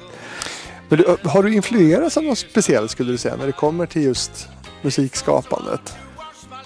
Nej, det, det vad, vad ska jag säga där? Jag, inte, jag tycker ju att jag, det får jag ibland höra att eh, pastischmakare gör pastischer på olika musiksorter. Det är väl det, om jag nu gör någonting så är det väl det. Men att de blir, jag skulle tillmäta att de blir lite, får ett eget liv och inte bara blir väldigt tydliga pastischer och sitter fast i sin förlaga. det tillmäter jag att jag inte är så musikalisk. Så när jag försöker göra en låt ungefär som någon annan så blir den inte så lik. För jag är för dålig på att imitera. Och det är bara bra för då får den ett eget liv. Alltså eh, på något sätt. Då blir den en eget, ett eget verk mera än den blir bara en pastisch som sitter fast i sitt föremål. helt enkelt det får vara ibland Jag får väl gå lite titt som tätt Jag menar svänger det bara om man trivs i sitt land Om man mår bra kan man skita i sin tvätt men det här med att du inte kallar dig musikalisk, det, det måste också vara en definitionsfråga. Jo, När är man har klart. jobbat så mycket med musik som du har gjort. Ja, men det, det, jo det är det ju. Och jag, jag, jag ju till och med nu, eh, ja, apropå musikalitet, så jag hade ju ett uppdrag förra året att eh, skriva ett nytt libretto till en Donizetti-opera. Och satte då med ett klaverutdrag med hela operan med not, alltså alla, alla sångarnas eh, melodistämmer eller s- sångstämmer och ett pianoackompanjemang. Och, skulle, och skrev då nya, ny text till vare, varenda, varenda stavelse om man säger så. Och då måste jag ju kunna noterna så, så, gott, så gott det går då, så väldigt, väldigt, väldigt väl. Så att man får rätt frasering och sånt där. Och det var väl några ställen jag fick korrigera sen men annars var det rätt så okej. Så, så på så sätt är jag ju musikaliskt eh, insatt eller vad man ska kalla det för. Men det, det, det är väl det mer jag menar att jag, jag, jag, har alltid drömt om att sitta med och jamma i en orkester och ta en gitarr och sitta och klia på den och så byter de låt. Jag är med hela tiden. Och Det kan jag inte. Det, då blir det svårt. Ja. Och det, är- det är en sån här ouppfylld dröm som jag har. Hade du velat vara, hade du velat vara mer musikaliskt utbildad?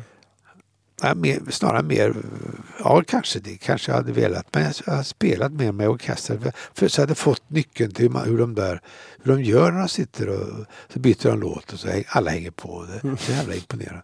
Och jag måste, jag måste fråga, vad, fan, hur går den här och allt det där. Var är vi? Ja, Ja. ja. det, det, det är härligt. Men trots att du har skrivit så otroligt mycket musik så har du också gjort en låt som är den nästa. Som handlar om det faktum att det görs alldeles för mycket musik. Ja.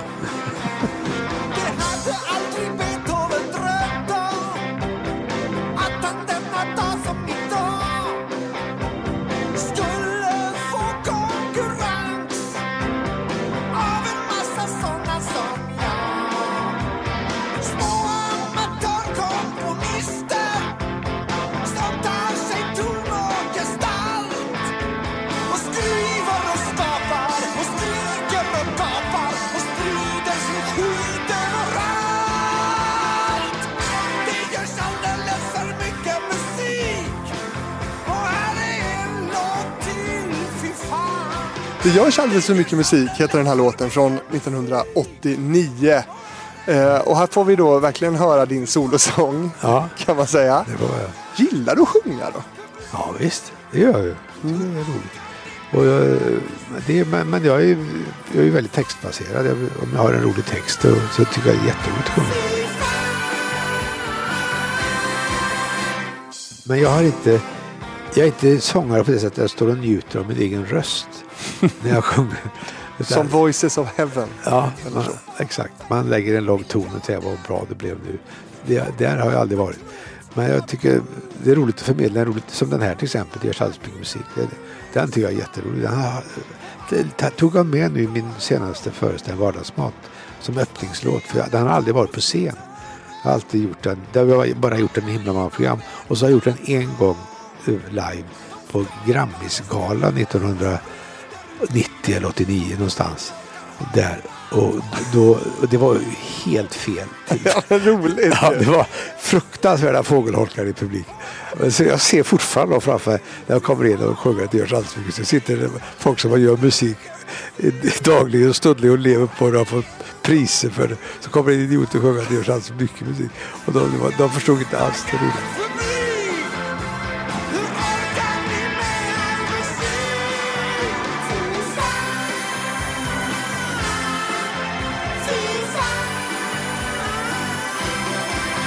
Men, men av alla då, av de få låtar som jag bad dig välja då, tio, så, så kommer den här med. Ja. Varför då? Ja, jag, den, jag, jag gillar den. Jag kan, det, det är en av de få låtar jag alltid kan utan till. Ja. Det, det, nästan den enda eh, som jag kan sjunga. Under en filt i Madrid också. Och så kan jag spela, jag har, jag kan, så, den har sånt otroligt töntigt men roligt riff med C, C7 där.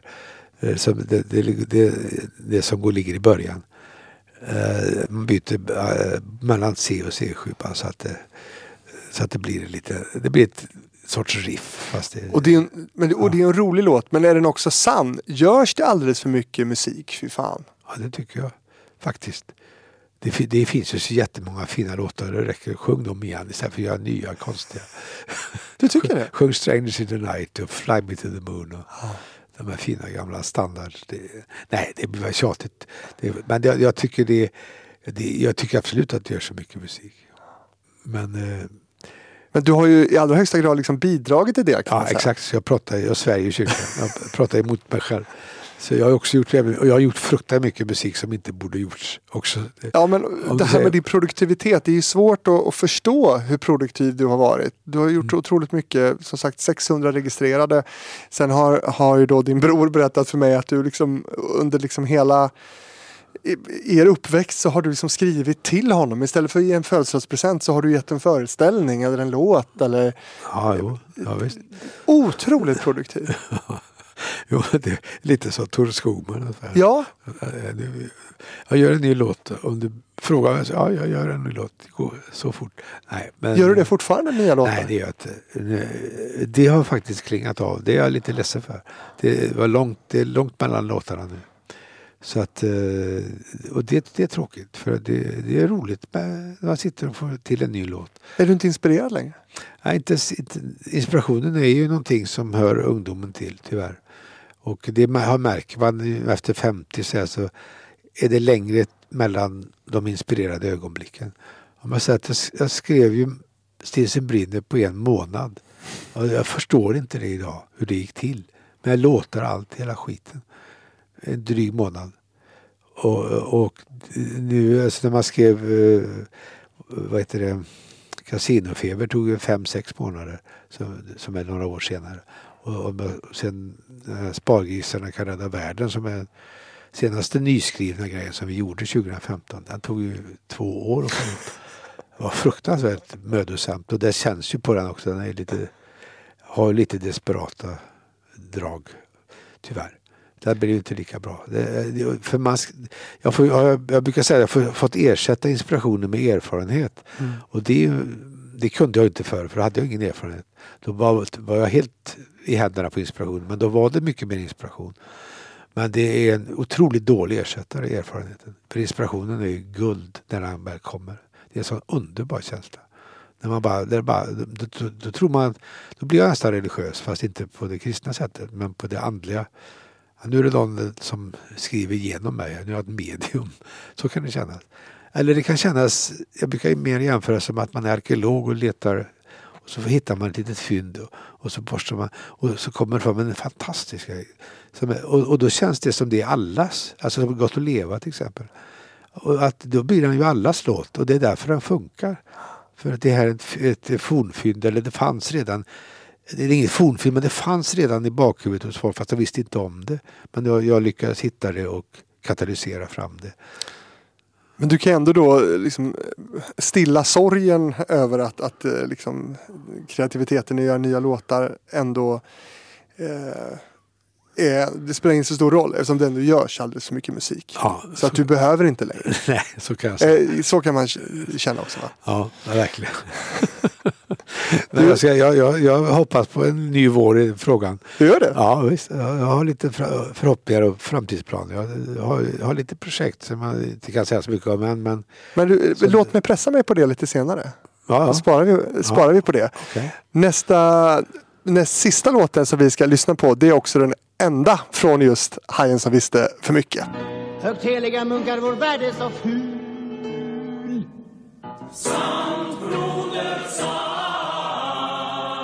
Himlen har skänkt oss Alibi från 1989, alltså från filmen Hajen som visste för mycket. Hur kom den här med på listan? Jag gillar den. Den är, den är också en liten eh, drift med kyrkan och kyrksamheten. Och, jag tycker, eh, för det, och den, är, den tycker jag träffar väldigt bra. Och den parodin. Och sen är det en enormt fin filmatisering av den i filmen som jag är väldigt förtjust i. Knut gör en fantastisk insats. Och alla munkarna runt och när de doppar huvudet i i dopfunten med sand. Den scenen är en av mina favoriter verkligen. Himmelen har skänkt oss alibi Himmelen har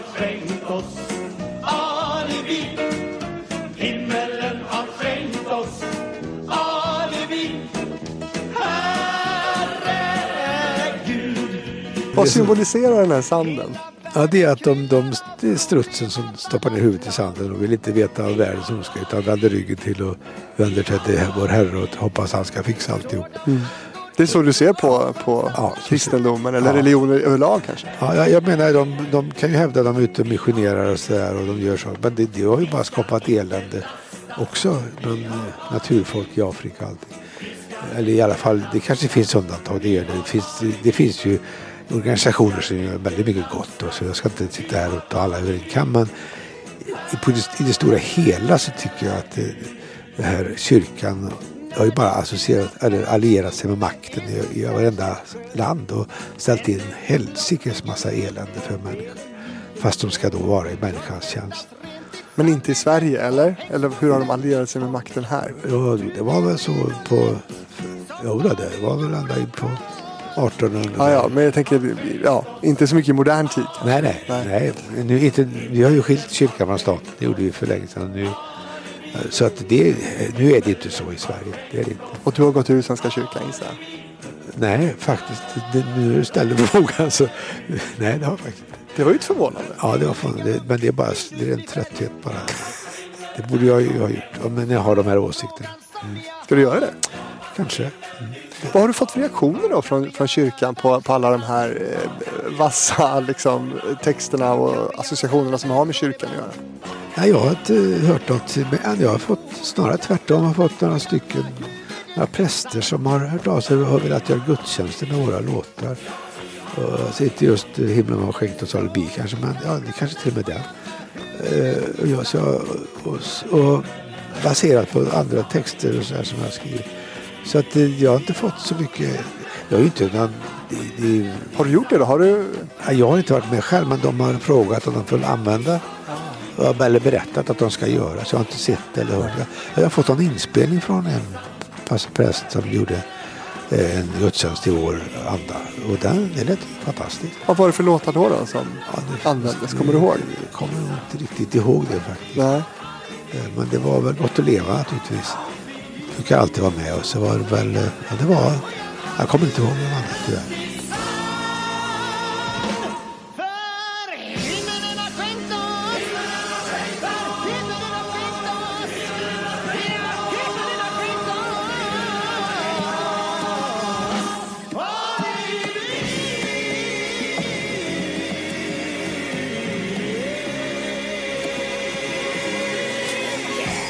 Det här är ju då en film som, som aldrig gjordes på scen va?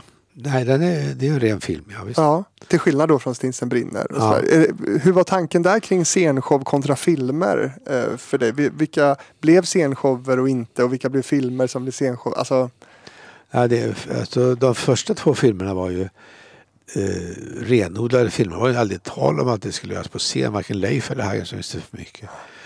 Eh, utan det var ju, jag var ju... och det hade inte gått eller? Nej, nej, det hade inte gått. Det var inte, det var inte en tanke på. Utan det var ju, jag fick ett erbjudande från SF att göra film och eh, Valdemar Bergdahl som var producent på SF. Han eh, var otroligt stöttande och pushade så att han sa skriv på så löser vi alla problem. Det är därför Leif har så mycket slapstick och stuntgrejer och det, det är väldigt mycket effekter i Leif. Och även i Hajen som visste för mycket. Och för jag tyckte det var, nu när jag hade möjlighet, jag tyckte det var väldigt roligt att leka med det. Men det var ju mycket problem med inspelningen. det var inte billiga filmer heller. Nej, alltså Hajen som visste för mycket har ju otroligt mycket eh, ganska avancerade. Så det här taket till Ja, exempel visst. ni filmar på som, blir, eh, som lyfts av och med en hel, någon slags helikopter. Ja, det var en jättekomplicerad eh, tagning.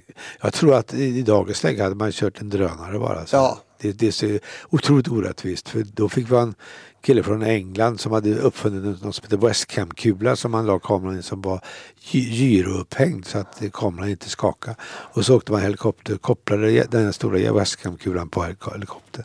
Och så åkte man en, lov och så skulle låtens text stämma med Frittes sång. Och Ett jätteprojekt alltså, mitt i stan. Och så långt ut, det ska vara en lång utåkning. Nej, det var bökigt. Hur många gånger gjorde ni den scenen? Jag kommer inte ihåg, men det var några gånger. Ja. Men eh, det, det gick, i och med att det var bra planering så gick det ganska bra ändå. Men det var mycket jobb med det. Och den sista låten nu, då blir det verkligen en eh, politisk scenföreställning. Hon hade gjort sig fin och gått till stadens danspalats hon satt med sitt glas vin då det fram till hennes plats. Kom vinglande en gentleman och sa nu dansar vi. Hon svarade försiktigt att hon ville låta bli. Vi känner inte alls varann men det gör ingenting sa han och slet henne från hennes bord med dessa tröstens ord. Du får köpa grisen i säcken och chansa hoppas att jag är en riktig jackpot för dig. Det är det som är tjusningen med att gå ut och dansa. Att man får med sig en gris i en säck hem till sig. Grisen i säcken från 1991 alltså. Ja, eh, vi har pratat om Bert Karlsson. Eh, och här får han någon slags huvudroll Ja, på scen. ja. Berätta, hur, hur, eh, varför valde du den här låten? Ja, Jag tyckte, jag tycker låten är eh, jävligt härlig faktiskt. Den är någon sorts dansbandslåt i sig och eh, fångar eh, hela livscykeln. Alltså just det här fascinerande att vi väljer allting i livet med en enorm omsorg utom den partner vi ska leva med. Det kan gå till på ett- dimmigt dansgolv efter 15 groggar och klockan två på natten träffar man någon och så hej hopp och så, och så gifter man sig. Och, och, och medan då man köper bil, och man köper lägenhet, man köper kostym, man köper skor, man köper mat. Det är jävla väljande och om, och vrakande. Men just den, det viktigaste valet, det, det, det är lite gris i säcken. Alltså. Man köper gris i säcken. Det är, lite, ja, det är den allogrin i det. Och sen, och sen är den eh, eh, sen är den byggd på samma sätt som Sudda Sudda Martin Suramin i dramaturgin. Där är det ju mamman som säger till pojken att varje, slutet på varje vers, sudda sudda bort. Och så i sista versen så säger pojken till mamman. Och här är det ju samma sak i slutet. Att eh, Kerstin säger nu det, jag, får köpa grisen i säcken. Fast han har sagt det för, förut. Så det är samma upplägg som, det, det, man vänder på det. Och den här tiden då så hade ju Ny Demokrati då eh, både etablerats och kommit in i riksdagen. De kom, de kom in precis den hösten. Vi hade premiär där någon, vecka efter de hade kommit in. Precis. Och det här handlar ju om Bert och Ian som kommer in från ett annat håll i politiken. Vad fick du för reaktioner från Bert och Ian?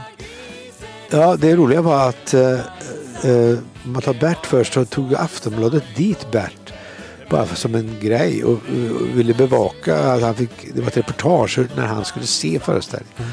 Så de satt med kamera och allt möjligt i salongen så kom han upp i logen efteråt, eller i pausen. För det här var ju första akten. Andra akten handlade ju inte alls om det. Och då var allting avklarat. Och bara hörde innan han kom in i, i, i rummet. Så, jag har inte fattat någonting. Bara hittar på och skarvar och håller på. en lång föreläsning. Så han verkar lite störd. Men jag tror att innerst inne så, var han nog mest smickrad att han var med. Men det var, det var, det var en rolig stund för han stod i logeöppningen och, och orerade alltså, på sitt vanliga sätt. Hur var det för er då, eller för dig? Ja, vi tyckte det var lite småroligt faktiskt. Var ju, vi, man, man kände ju Bert på, på det här lite avlägsna sättet. Men vi hade ju stött på varandra rätt många gånger. Eh, han, vi hade ju en sån ton med varandra. Det var ju lite rått. Och, ja. För han hade ju velat eh, försökt att få med oss någonstans i sitt stall på ett tidigt stadium. Men vi hade ju aldrig velat associera oss med, med Bert. Vi, vi hade ju vårt eget produktionsbolag och allt sånt där. Men han hade, ju- han hade inte gjort några stora framstötar. Jag ska inte säga, jag kanske överdriver nu. Men han hade figurerat i, i kulisserna. Han kände till er. Absolut. Eh, Men och- sen, men sen ska, jag- ska jag säga om Ian. Ja. Jag har hört på omvägar att han hade tyckt det var jätteroligt. Så han hade till och med sjungit det här från ett annat håll. Det berättade någon för mig för inte så länge sedan. Vid något, någon högtidsdag eller vad det var. Han hade själv tyckte att den var jätterolig. Så att han hade tagit det på ett eh, lustfyllt sätt. Tydligen. Ja, men då, det blev ju verkligen huvudpersoner både i, i Sveriges politiska liv men också då på scenen och hos er på Lorensbergsteatern. Och, och, du är ju politisk mycket i, i dina verk. Ju. På vilket sätt har det varit viktigt skulle du säga?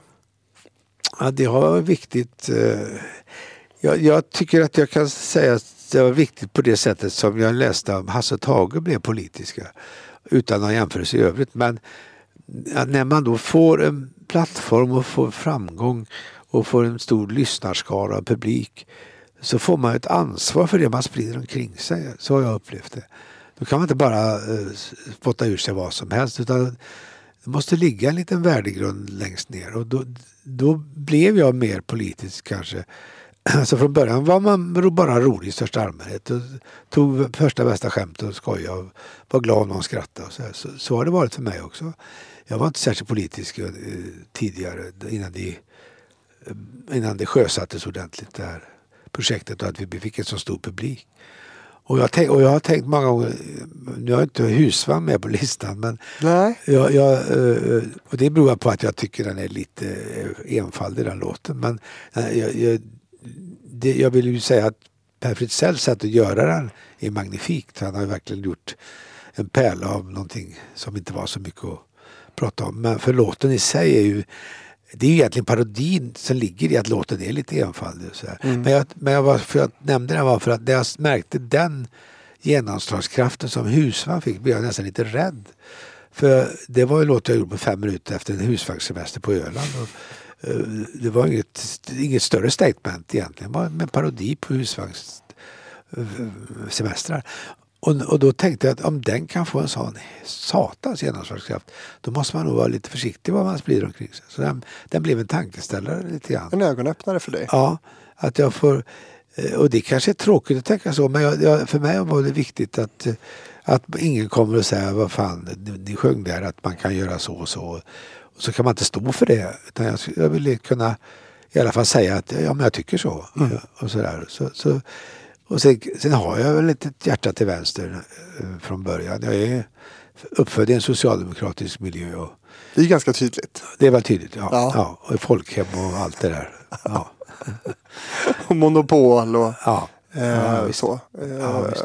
eh, och det finns ju mycket att prata om här men, men där var i alla fall de tio låtarna. Ja. som du har valt. Och som sagt, du, du har, jag vet att du har eh, brottats lite med vissa låtar som, du, som inte kom med här nu. Men som, som, som du nämnde, Husvagn, I ditt bagage, Ja. Bragdmamma, otroligt bra låt. Vattenpumpen. Ja, den är jag väldigt förtjust i också. Du nämnde tidigare att, att det tar lite tid för dig att skriva. Men det verkar också som att du har haft lätt att skriva vissa då. Som Husvagn då, tog fem minuter. Ja, jo det är sant. Det, det, är, vissa, det är de här inspirerade ögonblicken. Som, Ja. eh, när man får de knapparna då går det fort. Och det, under Filt i Madrid gick också väldigt fort. Eh, har musiken gjort dig rik? Eh, rent ekonomiskt. Ja. Ja, det var, kan man väl säga. Jag får ju en liten dos från STIM varje år och eh, inte minst när Macken då var- klättrade upp på listorna så var det ju en del royalty som dök upp. Så det, har, det kan man säga. Han, eh, rik och rik. Men, Du har haft råd att gå på Sturehof om man säger så. Ja, Ja. exakt. Äta ostron Ja. på Sturehof. Ja. Så jag tänkte eh, bara redovisa lite om, om kakan, påsen och pungen här. Ja, För du har ju en mängd olika aktiebolag. Mm. Eh, det är sitt eget då, Clas Eriksson Produktion AB. Kulturpåsen, ja, Kulturlådan ja, och inte minst då bolaget som många känner igen från era produktioner då, Kulturtuben AB. Mm. Eh, som inte omsätter så mycket de senaste åren. Men det är ändå lite vinster som delas ut där. 2-3 miljoner senaste åren. Eh, ja, vi är många som delar på det. Så Ja. det inte, eh, vi, vi delar ju lika. Vi är tio stycken nu. Vi har varit tolv som mest i Kulturtuben som är ägartrojkan. Då. Sen har vi ju sju anställda. Eh, och eh, att det blir så, det, konstellationen är att vi har ett moderbolag längst upp som heter Aktiebolaget Kulturtuben, det ursprungliga. Och sen har vi två kommanditbolag under oss, eh, kommanditbolaget Kulturtuben Som, Eh, ja.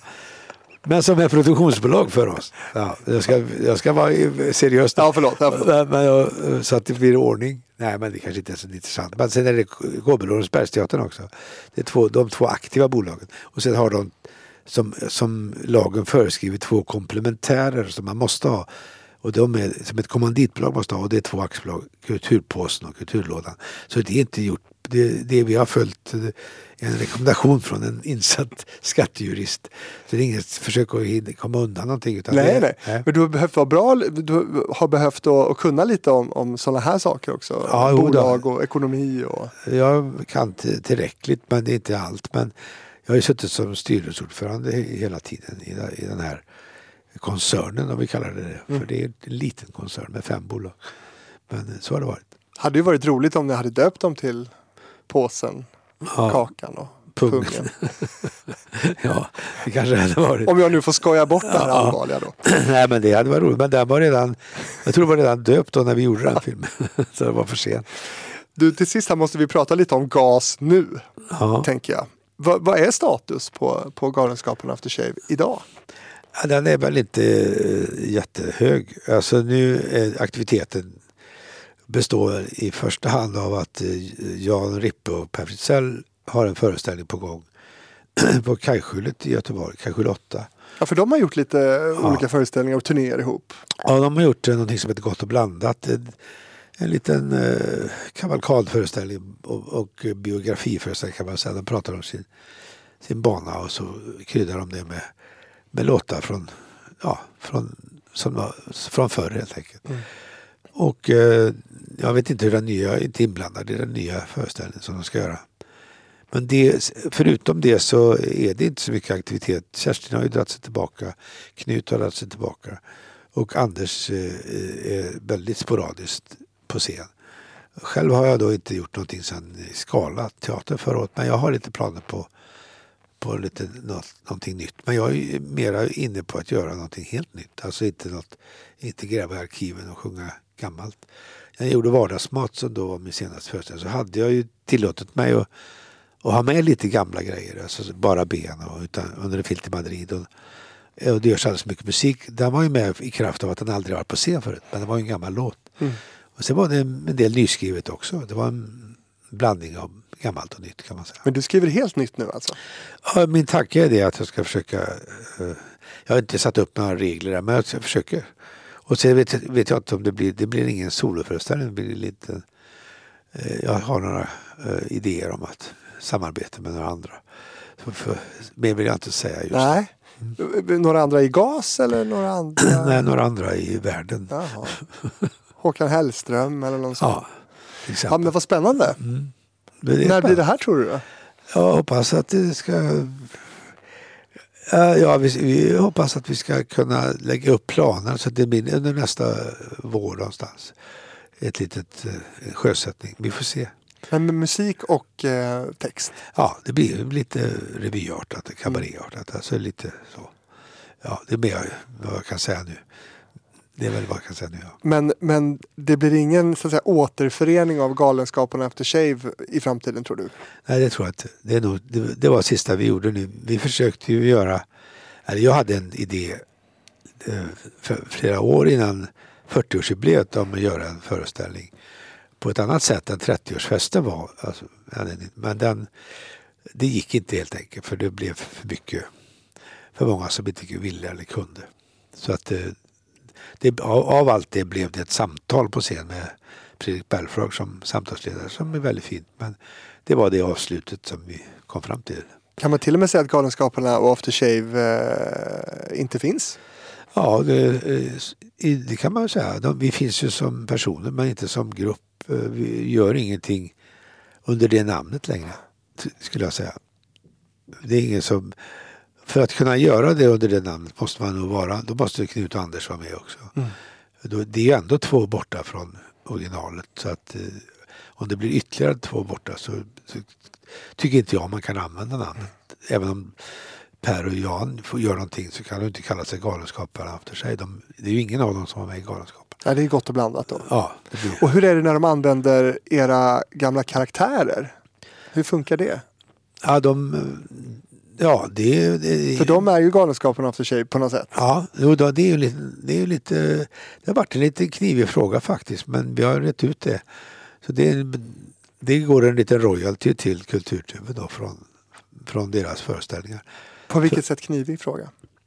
Det är ju lite, jo, att bara ta det rakt ut och alltså använda det utan om man säger skillnaden blir att när vi gjort produktionen förut så har hela kulturtypen stått bakom. Och nu eh, gör, gjorde de plötsligt inte det utan det var Knut och Per som tog detta för, på sin, och hade inte förankrat det i kulturtuben. Och det, på så sätt blev det lite eh, knivigt. Men alla andra produktioner vi har gjort har, har då tagits upp eh, på högsta instans i, i vår verksamhet och så har det sanktionerats och så har det godkänts. Och så har vi kunnat göra så. Ja, då har det inte varit några problem. Bolagsstyrelsen har klubbat. Ja, och eftersom vi är bolagsstyrelse och artister samtidigt så sitter vi på många stolar. Men det har ändå skötts enligt den lilla regelverk som vi har ha- jobbat efter under alla år. Och det gjorde, plötsligt gjordes det inte det riktigt på det sättet. Och då blev det lite, lite grumligt. Men det har vi rätt ut så att det är lugnt och fint. Konflikt till och med. Nej, det, var, det, var, det är mycket sagt. Det var det inte. Men Nej. det var, det var lite... Vi hade behövde prata om det helt enkelt. Du, 80-90-talet kan man ju säga var någon slags storhetstid då för dig och för, för er i gruppen. Ehm, vad händer på, på 00-talet sen då när er produktion inte nådde samma kultstatus? Eh, ja, nej det var väl... eh, jag betraktar ju, om man säger eh, kasinofeber Casinofeber som är från 2002 betraktar jag som likvärdig med alla andra. Så den hade ju... Jag vet inte, jag kan inte publiksiffran i huvudet men det var... Vi spelade ju en hel säsong på Cirkus här i Stockholm. och Det är ju rätt rejält. Och eh, flera säsonger i Göteborg. Så den funkade. Men sen, sen blev det en... I och med att vi gjorde en film sen som heter Den enskilde medborgaren som blev en liten flopp. Eller det är väl den största floppen vi har gjort publikmässigt. Den hade väldigt få besökare på bio och har inte, ja, ligger inte i topp i våran historia. Även om jag tycker, som alltid tycker om det jag har gjort. Jag tycker om den också. Men jag tycker, ja, det, det, problemet är att jag tror att det, det kanske inte är någon jättebra film men den, är, den har ett ytterligare problem och det är ämnet som den handlar om eh, var inte tillräckligt intressant. Det är min eh, efteranalys av den filmen. Var den för politisk? Ja, det, det, var, ja, det var inte bara det. Det, var, det handlade om Skandiaaffären. Mm. Försäkringsproblematiken runt den och att det var några fem, sex direktörer som skodde sig på en börsuppgång. Ja, det är ju inte jättesexigt ämne. Nej, men, det, men i och med att det, det är det verkligen inte. Och det var flera som sa det, som skulle finan, finansiärer som skulle gå in. Att eh, ämnet inte var särskilt sexigt. Och samtidigt som, som eh, det försvann 34 miljarder i bolaget och det är rätt mycket pengar. Och ingen var ansvarig. Och, eh, eh, Eh, så det är klart att men vad jag, vad jag, var, varför jag tyckte det var ett angeläget ämne det var att eh, en jättestor del av svenska folket är försäkrade i Skandia. Så nu, nu heter det inte Skandia i filmen utan Oden och sådär. Men det var ju uppenbart vad det handlade om. Men, men det var som om ingen ville prata om detta. Det fanns ju en, ett försök till en grupptalan. Arne Rut, gamla chefredaktör på DN, chefredaktören på DN försökte driva en grupptalan mot Skandia och den lades ner. Och sen försvann det och plötsligt så bytte de ledning, de här direktörerna försvann. Så kom en ny vd och så kom det ett brev, för jag har Skandia själv. Och där man tydligt klart la, la detta bakom sig. Och kanske till och med kan kalla det sopa under mattan. Och, och jag har ju kontakt nu med flera Skandia eh, tjänstemän eller kvinnor som då hjälper mig med mina försäkringar. Och vi pratar inte om detta. Det, det är inte populärt. så att, det- då, så det, de, de har lyckats. Det här är en, en fläck i deras historia. För sen blev de ju sålda till eh, Mutual i Sydafrika. Men det är tillbaka nu så de är svenskägda tror jag. Av sina, ja, hur det nu funkar idag, det jag kan inte det för. Men det var, det var, problemet var det. Och då, det kanske sänkte oss lite för efter det så skulle jag ju göra, hade jag ett förslag till att göra en revy tillsammans och då ville inte de andra utan då ville de gå, göra show på Kajskjulet och då gjorde jag min soloföreställning. Och på, då gick vi ju skilda vägar.